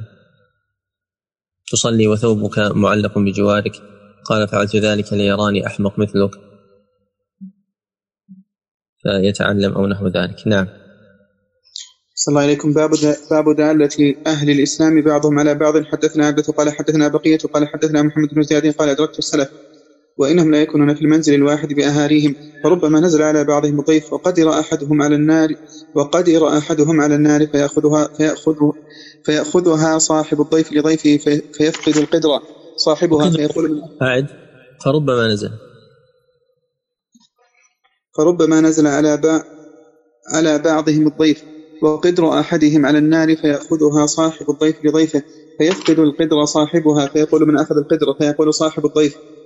نحن أخذناها لضيفنا فيقول صاحب القدر بارك الله لكم فيها. أو كلمة نحوها قال بقية وقال محمد والخبز إذا خبزوا مثل ذلك مثل ذلك. وليس بينهم إلا جدر القصب. قال بقية وأدركت أنا ذلك محمد بن زياد وأصحابه. وأدركت أنا ذلك. من هم؟ محمد بن زياد وأصحابه الذين رووا هذا الحديث. رحمهم الله كيف كانت علاقاتهم؟ أكبر من الدنيا وكانت الدنيا في أيديهم ولم تكن في قلوبهم. كان بينهم من حسن العشرة والمودة. ما يكون هذا نموذج ومثال على تضحيتهم وعلى محبتهم والبساطة والسلاسة في حياتهم. وهذا حديث إسناده حسن. نعم. السلام عليكم. باب إكرام الضيف وخدمته إياه بنفسه. حدثنا مسدد وقال حدثنا عبد الله بن داود عن فضيل بن غزوان عن أبي حازم عن أبي هريرة رضي الله تعالى عنه أن رجلا أتى النبي صلى الله عليه وسلم فبعث إلى نسائه فقلنا ما معنا إلا الماء؟ فقال رسول الله صلى الله عليه وسلم من يضم أو يضيف هذا؟ فقال رجل من الأنصار أنا. فانطلق به إلى امرأته فقال اكرمي ضيف رسول الله صلى الله عليه وسلم. فقالت ما عندنا إلا قوت الصبيان. فقال هيئي طعامك واصلحي وأصلحي سراجك. ونومي صبيانك إذا أرادوا عشاء فهيأ طعامها وأصلحت سراجها ونومت صبيانها. ثم قامت كأنها تصلح سراجها فاطفأت وجعل يريانه أنهما يأكلان. وباتا طاويين فلما أصبح غدا إلى رسول الله صلى الله عليه وسلم فقال لقد ضحك الله أو عجب من فعلكما وأنزل الله عز وجل ويؤثرون على أنفسهم ولو كان بهم خصاصة ومن يوق شح نفسه فأولئك هم المفلحون. متفق عليه. نعم. صلى الله عليكم. باب جائزة الضيف. حدثنا عبد الله بن يوسف قال حدثنا الليث قال حدثني سعيد المقبري عن أبي شريح العدوي قال سم قال سمعت أذناي وأبصرت عيناي حين تكلم النبي صلى الله عليه وسلم فقال من كان يؤمن بالله واليوم الآخر فليكن جاره ومن كان يؤمن بالله واليوم الآخر فليكن ضيفه جائزته قال وما جائزته يا رسول الله؟ قال يوم وليلة والضيافة ثلاثة أيام فما كان وراء ذلك فهو صدقة عليه ومن كان يؤمن بالله واليوم الآخر فليقل خيرا أو ليصمت. الحديث متفق عليه. طيب الجائزة أي العطية للضيف أو السائل. ما جائزته؟ يوم وليلة. يعني هذا حق واجب. ليس لأحد فيه منه. والضيافة ثلاثة أيام. هذا قدر زائد. يعني يتكلف له في اليوم الأول أما بعد ذلك يأكل من أهل البيت. يعني من الطعام الميسور الجود مما جود ثلاثة أيام. ثم لا يحل له أن يقيم فوق ذلك ليحرج صاحب البيت ويقع في الإحراج. الضيافة ثلاثة أيام. نعم. صلى الله عليكم باب الضيافة ثلاثة أيام حد باب الضيافة ثلاثة أيام حدثنا موسى بن إسماعيل قال حدثنا أبان بن يزيد قال حدثني يحيى هو ابن أبي كثير النبي سلمة عن أبي هريرة رضي الله تعالى عنه قال قال رسول الله صلى الله عليه وسلم الضيافة ثلاثة أيام فما كان بعد ذلك فهو صدقة. صحيح نعم.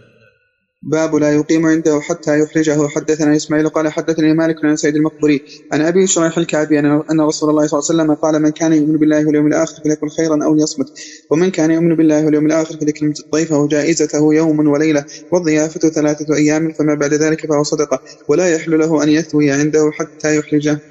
صحيح نعم. باب إذا أصبح بفنائه. حدثنا أبو نعيم قال حدثنا سفيان عن منصور عن الشعبي عن المقدام أبي كريمة الشامي قال قال النبي صلى الله عليه وسلم ليلة الضيف حق واجب على كل مسلم فمن أصبح بفنائه فهو دين عليه إن شاء فإن شاء اقتضاه وإن شاء تركه. صحيح نعم.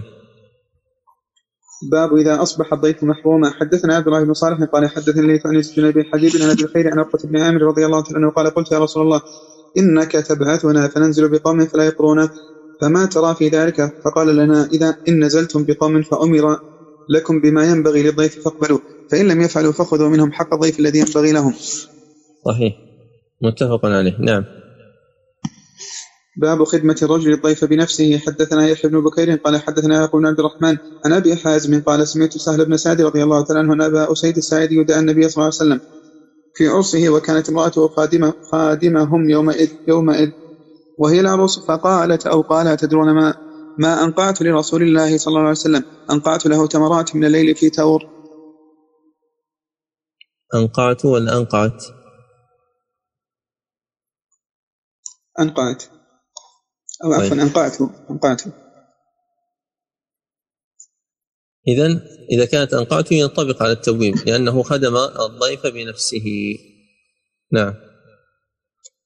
صلى الله عليكم. باب باب من قدم إلى ضيفه طعاما فقام يصلي.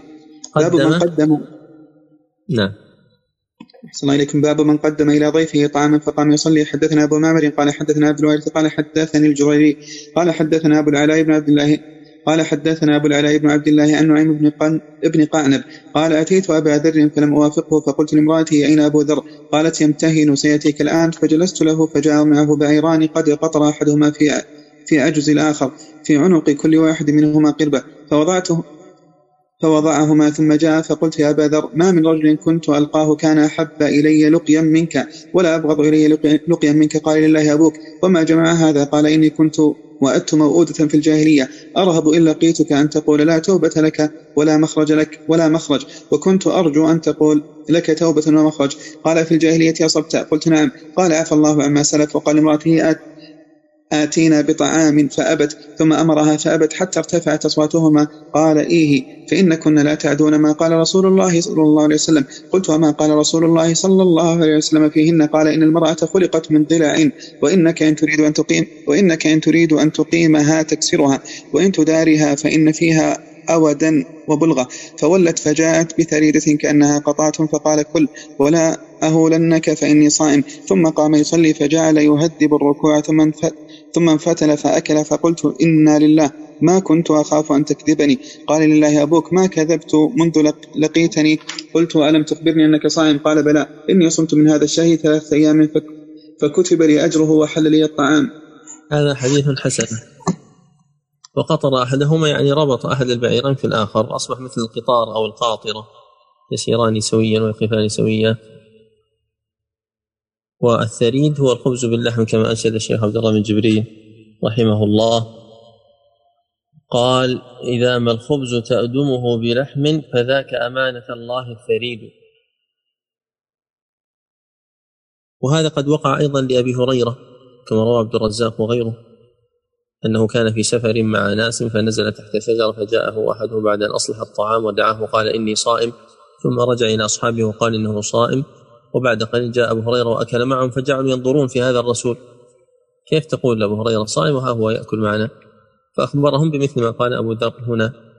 وجاء أيضا عن غيرهما كما في مصنف ابن أبي شيبة. فهو صائم في تخفيف الله. فهو صائم في تضعيف الله مفطر في تخفيف الله. نعم.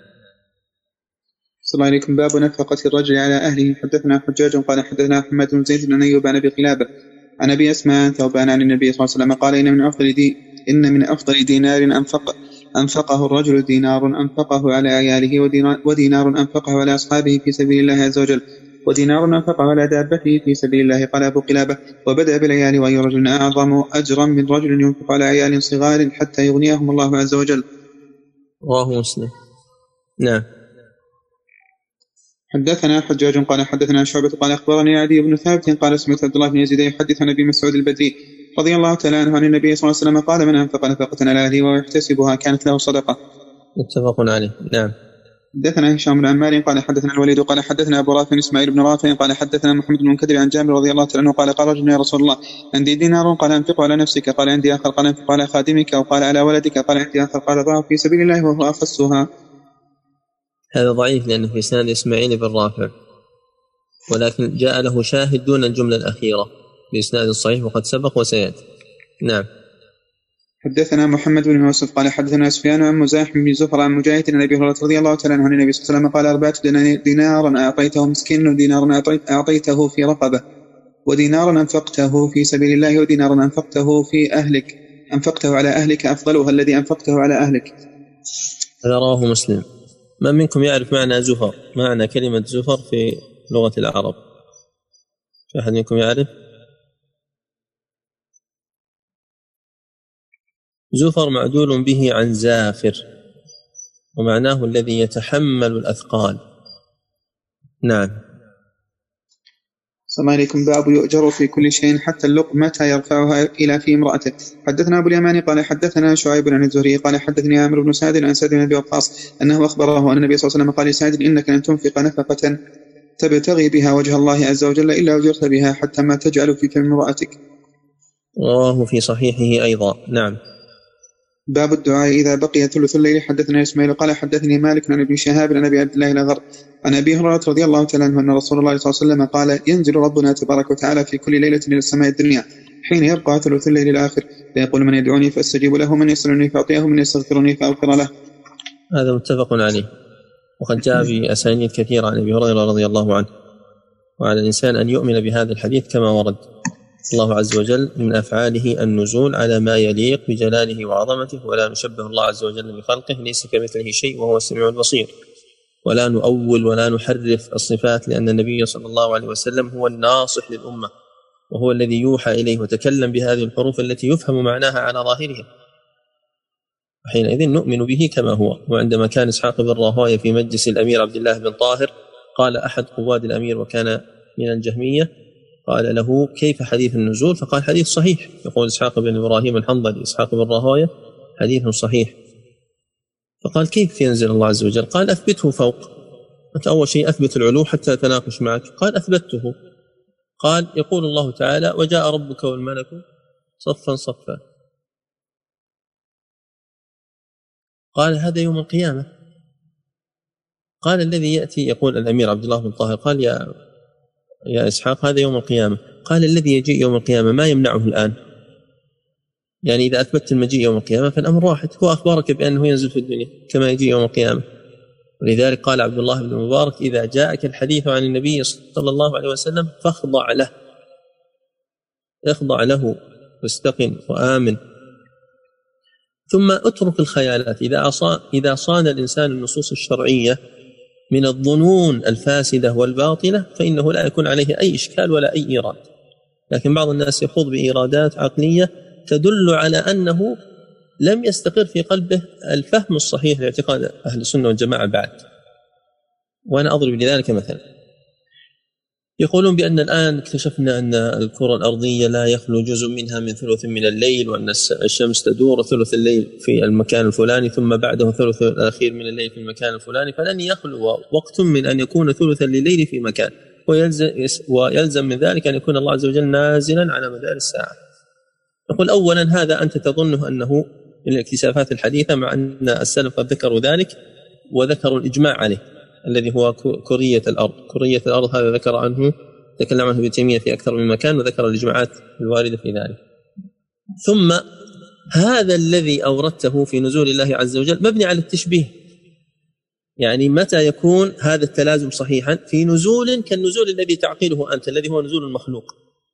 لكن لو تصورت أن هذه السماوات الأرض وهذه أن هذه السماوات السبع وهذه الأرض إنما هي في الكرسي كحلقة في فلة كأنك رميت هللة في الربع الخالي ليس بشيء. فكيف تمثل نزول الله عز وجل بنزول المخلوق؟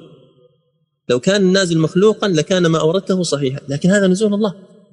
فلما استقر في قلبك التشبيه رسخت عندك الشبهة. لكن لو آمنت به كما هو لما وردت هذه الشبهة أصلا عليك. فتقول في جواب هذه الشبهة هذا وارد على نزول المخلوق لا على نزول الخالق سبحانه وتعالى. نعم نكمل. الله عليكم. باب قول الرجل فلان جاد أسود أو طويل قصير ثقيل يريد الصفة ولا يريد الغيبة. حدثنا عبد العزيز بن عبد الله قال حدثنا إبراهيم بن مسعود عن صالح بن كيسان بن شهاب قال أخبرني في أبي رهم. كلثوم بن الحسين الغفاري أنه سمع ابا رحمه وكان من أصحاب رسول الله صلى الله عليه وسلم الذين بايعوه تحت الشجرة يقول غزوت مع رسول الله صلى الله عليه وسلم غزوة تبوك. فقمت ليلة بالأخضر فصرت قريبا منه. فقمت ليلة بالأخضر فصرت قريبا منه فألقي علي النعاس. فألقي علينا النعاس فطفقت أستيقظ وقد دنت راحلتي من راحلتي فيفزعني دنوها خشية أن تصيب رجله في الغرز. فطفقت آخر راحلتي حتى غلبتني عيني بعض, بعض الليل فزاحمت راحلتي راحلة رسول الله صلى الله عليه وسلم ورجله في الغرز فأصبت رجله فلم أستيقظ إلا بقوله حسي فقلت يا رسول الله استغفر لي فقال رسول الله صلى الله عليه وسلم سر فطفق رسول الله صلى الله عليه وسلم يسألني عمن تخلف من بني غفار فأخبره فقال وهو يسألني ما فعل النفر الحمر الطوال التطاط قال فحدثته بتخلفهم قال فما فعل السود الجعاد القصار الذين لهم نعم بشبكة شرخ فتذكرتهم في بني غفار فلم أذكرهم حتى ذكرت أنهم رهط من أسلم. فقلت يا رسول الله أولئك من أسلم. قال فما يمنع أحد أولئك حين يتخلف أن يحمل على بعير من إبله امرأ نشيطا في سبيل الله؟ فإن أعز أهلي علي أن يتخلف عني المهاجرون من قريش والأنصار وغفار وأسلم.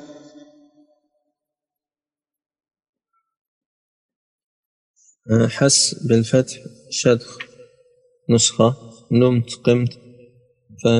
فنمت فقمت نسختان. طيب هذا فيه ابن أخي أبي رهم كلثوم بن حصن كلثوم بن حسين أو بن حسن الغفاري الغفاري بالكسر طيب إذا استصحبنا القاعدة السابقة بأن الجهالة في طبقة التابعين يمكن أن تغتفر فإن هذا الحديث يمكن أن يقال فيه لا بأس به. وإلا فإن من أعله أعله بجهالة هذا التابعي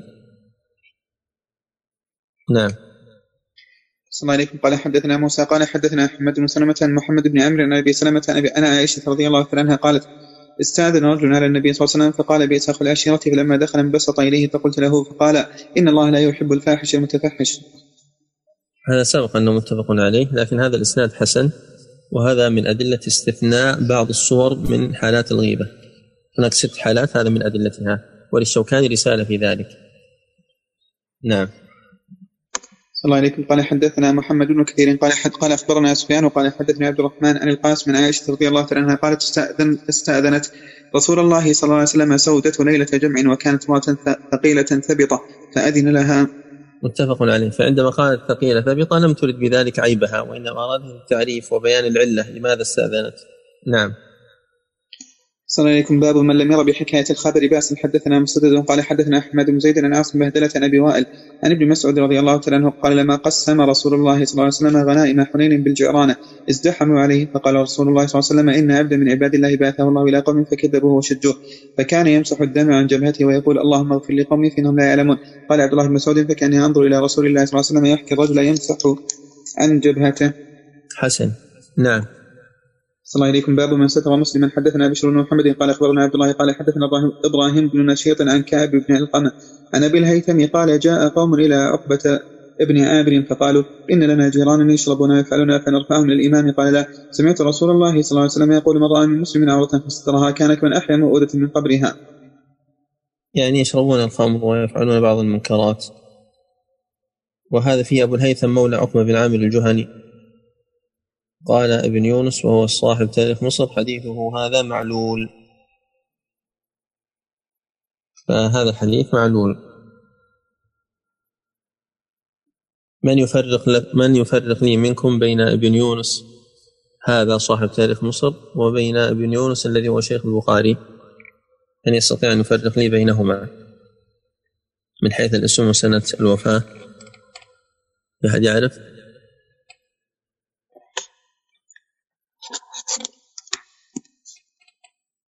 عندنا بن يونس الذي هو أحمد بن عبد الله بن يونس التميمي اليربوعي الذي قال عنه الإمام أحمد شيخ الإسلام.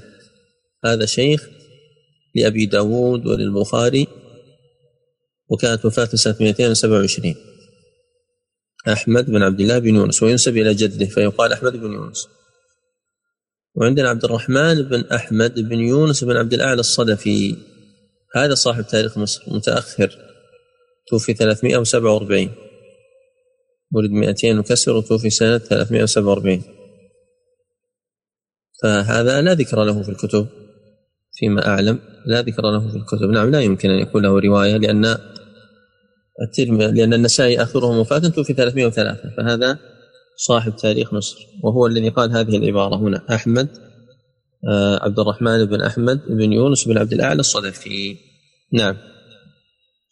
صلى الله عليكم باب قول الرجل هلك الناس. وحدثنا إسماعيل قال حدثني مالك عن سهيل بن أبي صالح عن أبيه عن أبي هريرة رضي الله تعالى عنه أن رسول الله صلى الله عليه وسلم قال إذا سمعت الرجل يقول هلك الناس فهو اهلك فهو أهلكهم. هذا صحيح. رواه مسلم. نعم. صلى الله عليكم باب ضبطت بضبطين. إذا سمعت الرجل يقول هلك الناس فهو أهلكهم يعني أوقعهم في الهلكة أو فهو أهلكهم يعني هو أشدهم هلاكا. ففيه أن الإنسان لا يتشاءم لا يتشاءم ويصف الناس بأنه قد ساءت أحوالهم وحصل كذا وكذا حتى لا يقع في هذا الحديث ويكون سببا في تثبيط الناس. نعم. صلى الله عليكم. باب لا يقول المنافق سيد حدثنا علي بن عبد الله قال حدثنا معاذ بن هشام قال حدثنا أبي عن قتادة عن عبد الله بن بريدة عن أبيه قال قال رسول الله صلى الله عليه وسلم لا تقول المنافق سيد فإنه يكن سيدكم سيدكم فقد أسخطتم ربكم عز وجل يكن سيدكم. سيد خبر يكن ومن مضارع إن كان منجزم تحذف نون وهو حذف ملتزم وهذا حديث صحيح. نعم.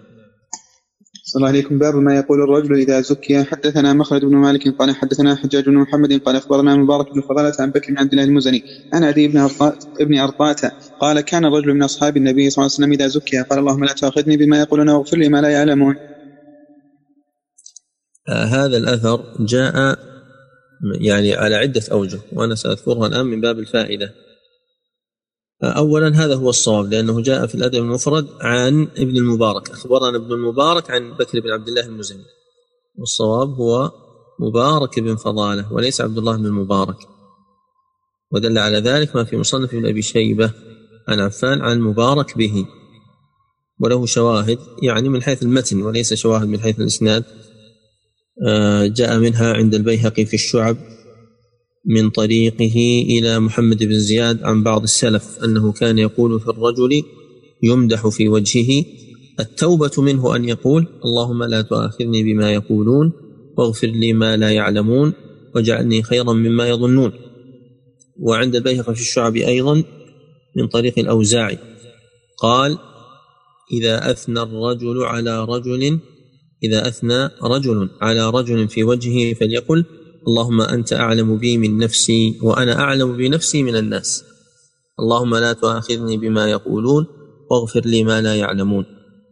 ومنها عند ابن أبي شيبة بإسناده إلى مطرف مطرف بن عبد الله بن الشخير قال رآني أنا ومذعور رجل.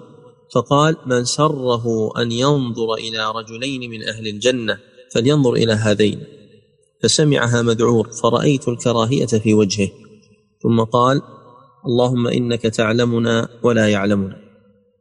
ومنها عند أبي نعيم في الحلية بإسناده إلى صفوان بن عمرو قال كان يزيد بن ميسرة فيما بلغنا يقول إذا زكاك رجل في وجهك فأنكر عليه واغضب ولا تقر بذلك وقل اللهم لا تؤاخذني بما يقولون واغفر لي ما لا يعلمون ومنها وهو آخرها عند ابن عساكر من طريقه يعني بإسناده إلى الأصمعي وهذا منقطع. قال الأصمعي كان أبو بكر إذا مدح قال اللهم أنت أعلم بي من نفسي اللهم أنت أعلم بي من نفسي وأنا أعلم بنفسي منهم. اللهم اجعلني خيرا مما يحسبون واغفر لي ما لا يعلمون ولا تؤاخذني بما يقولون. هذا وإن كان منقطعا إلا أنه أشبعها لفظا. نعم. أحسن الله إليكم. قال حدثنا أبو عاصم عن اللوزعي عن يحيى بن كثير عن أبي قلابة أن أبا عبد الله. قال لأبي مسعود أو أبو مسعود قال قال لأبي عبد الله ما سمعت النبي صلى الله عليه وسلم في زأم قال بئس مطية الرجل. أبو عبد الله هو حذيفة وهذا منقطع لأن أبا قلابة عبد الله بن زيد الجرمي آه عبد الله بن زيد أو يزيد الجرمي لم يدركهما. نعم. الله عليكم. قال حدثنا يحيى بن موسى. قال أو لم يسمع منهما لأن تابعي قد يكون لم يسمع منهما. نعم. صلى الله عليكم. قال حدثنا يحيى بن موسى. قال حدثنا عمرو بن يونس اليمامي. قال حدثنا يحيى بن عبد العزيز. قال أن يحيى بن أبي كثير. عن أبي قلابة عن أبي المهلب أن عبد الله بن عامر قال يا أبا مسعود ما سمعت ما سمعتك رسول الله صلى الله عليه وسلم يقول في زعمه قال سمعته يقول بئس مطية الرجل وسمعته يقول لا لعن المؤمن كقتله. هذا إسناده ضعيف. وهم فيه يحيى بن عبد العزيز والصواب عن الأوزاعي عن يحيى بن أبي كثير مرسلا. طيب لا نريد أن نشق على الإخوة لكن لا يكفينا يومان لإنهاء هذا الكتاب. فلعلنا نأخذ يوم السبت أيضا ونسأل الله أن يعين على ختمه وينفع به. نقف على هذا وصلى الله وسلم على نبينا محمد وعلى آله وصحبه أجمعين.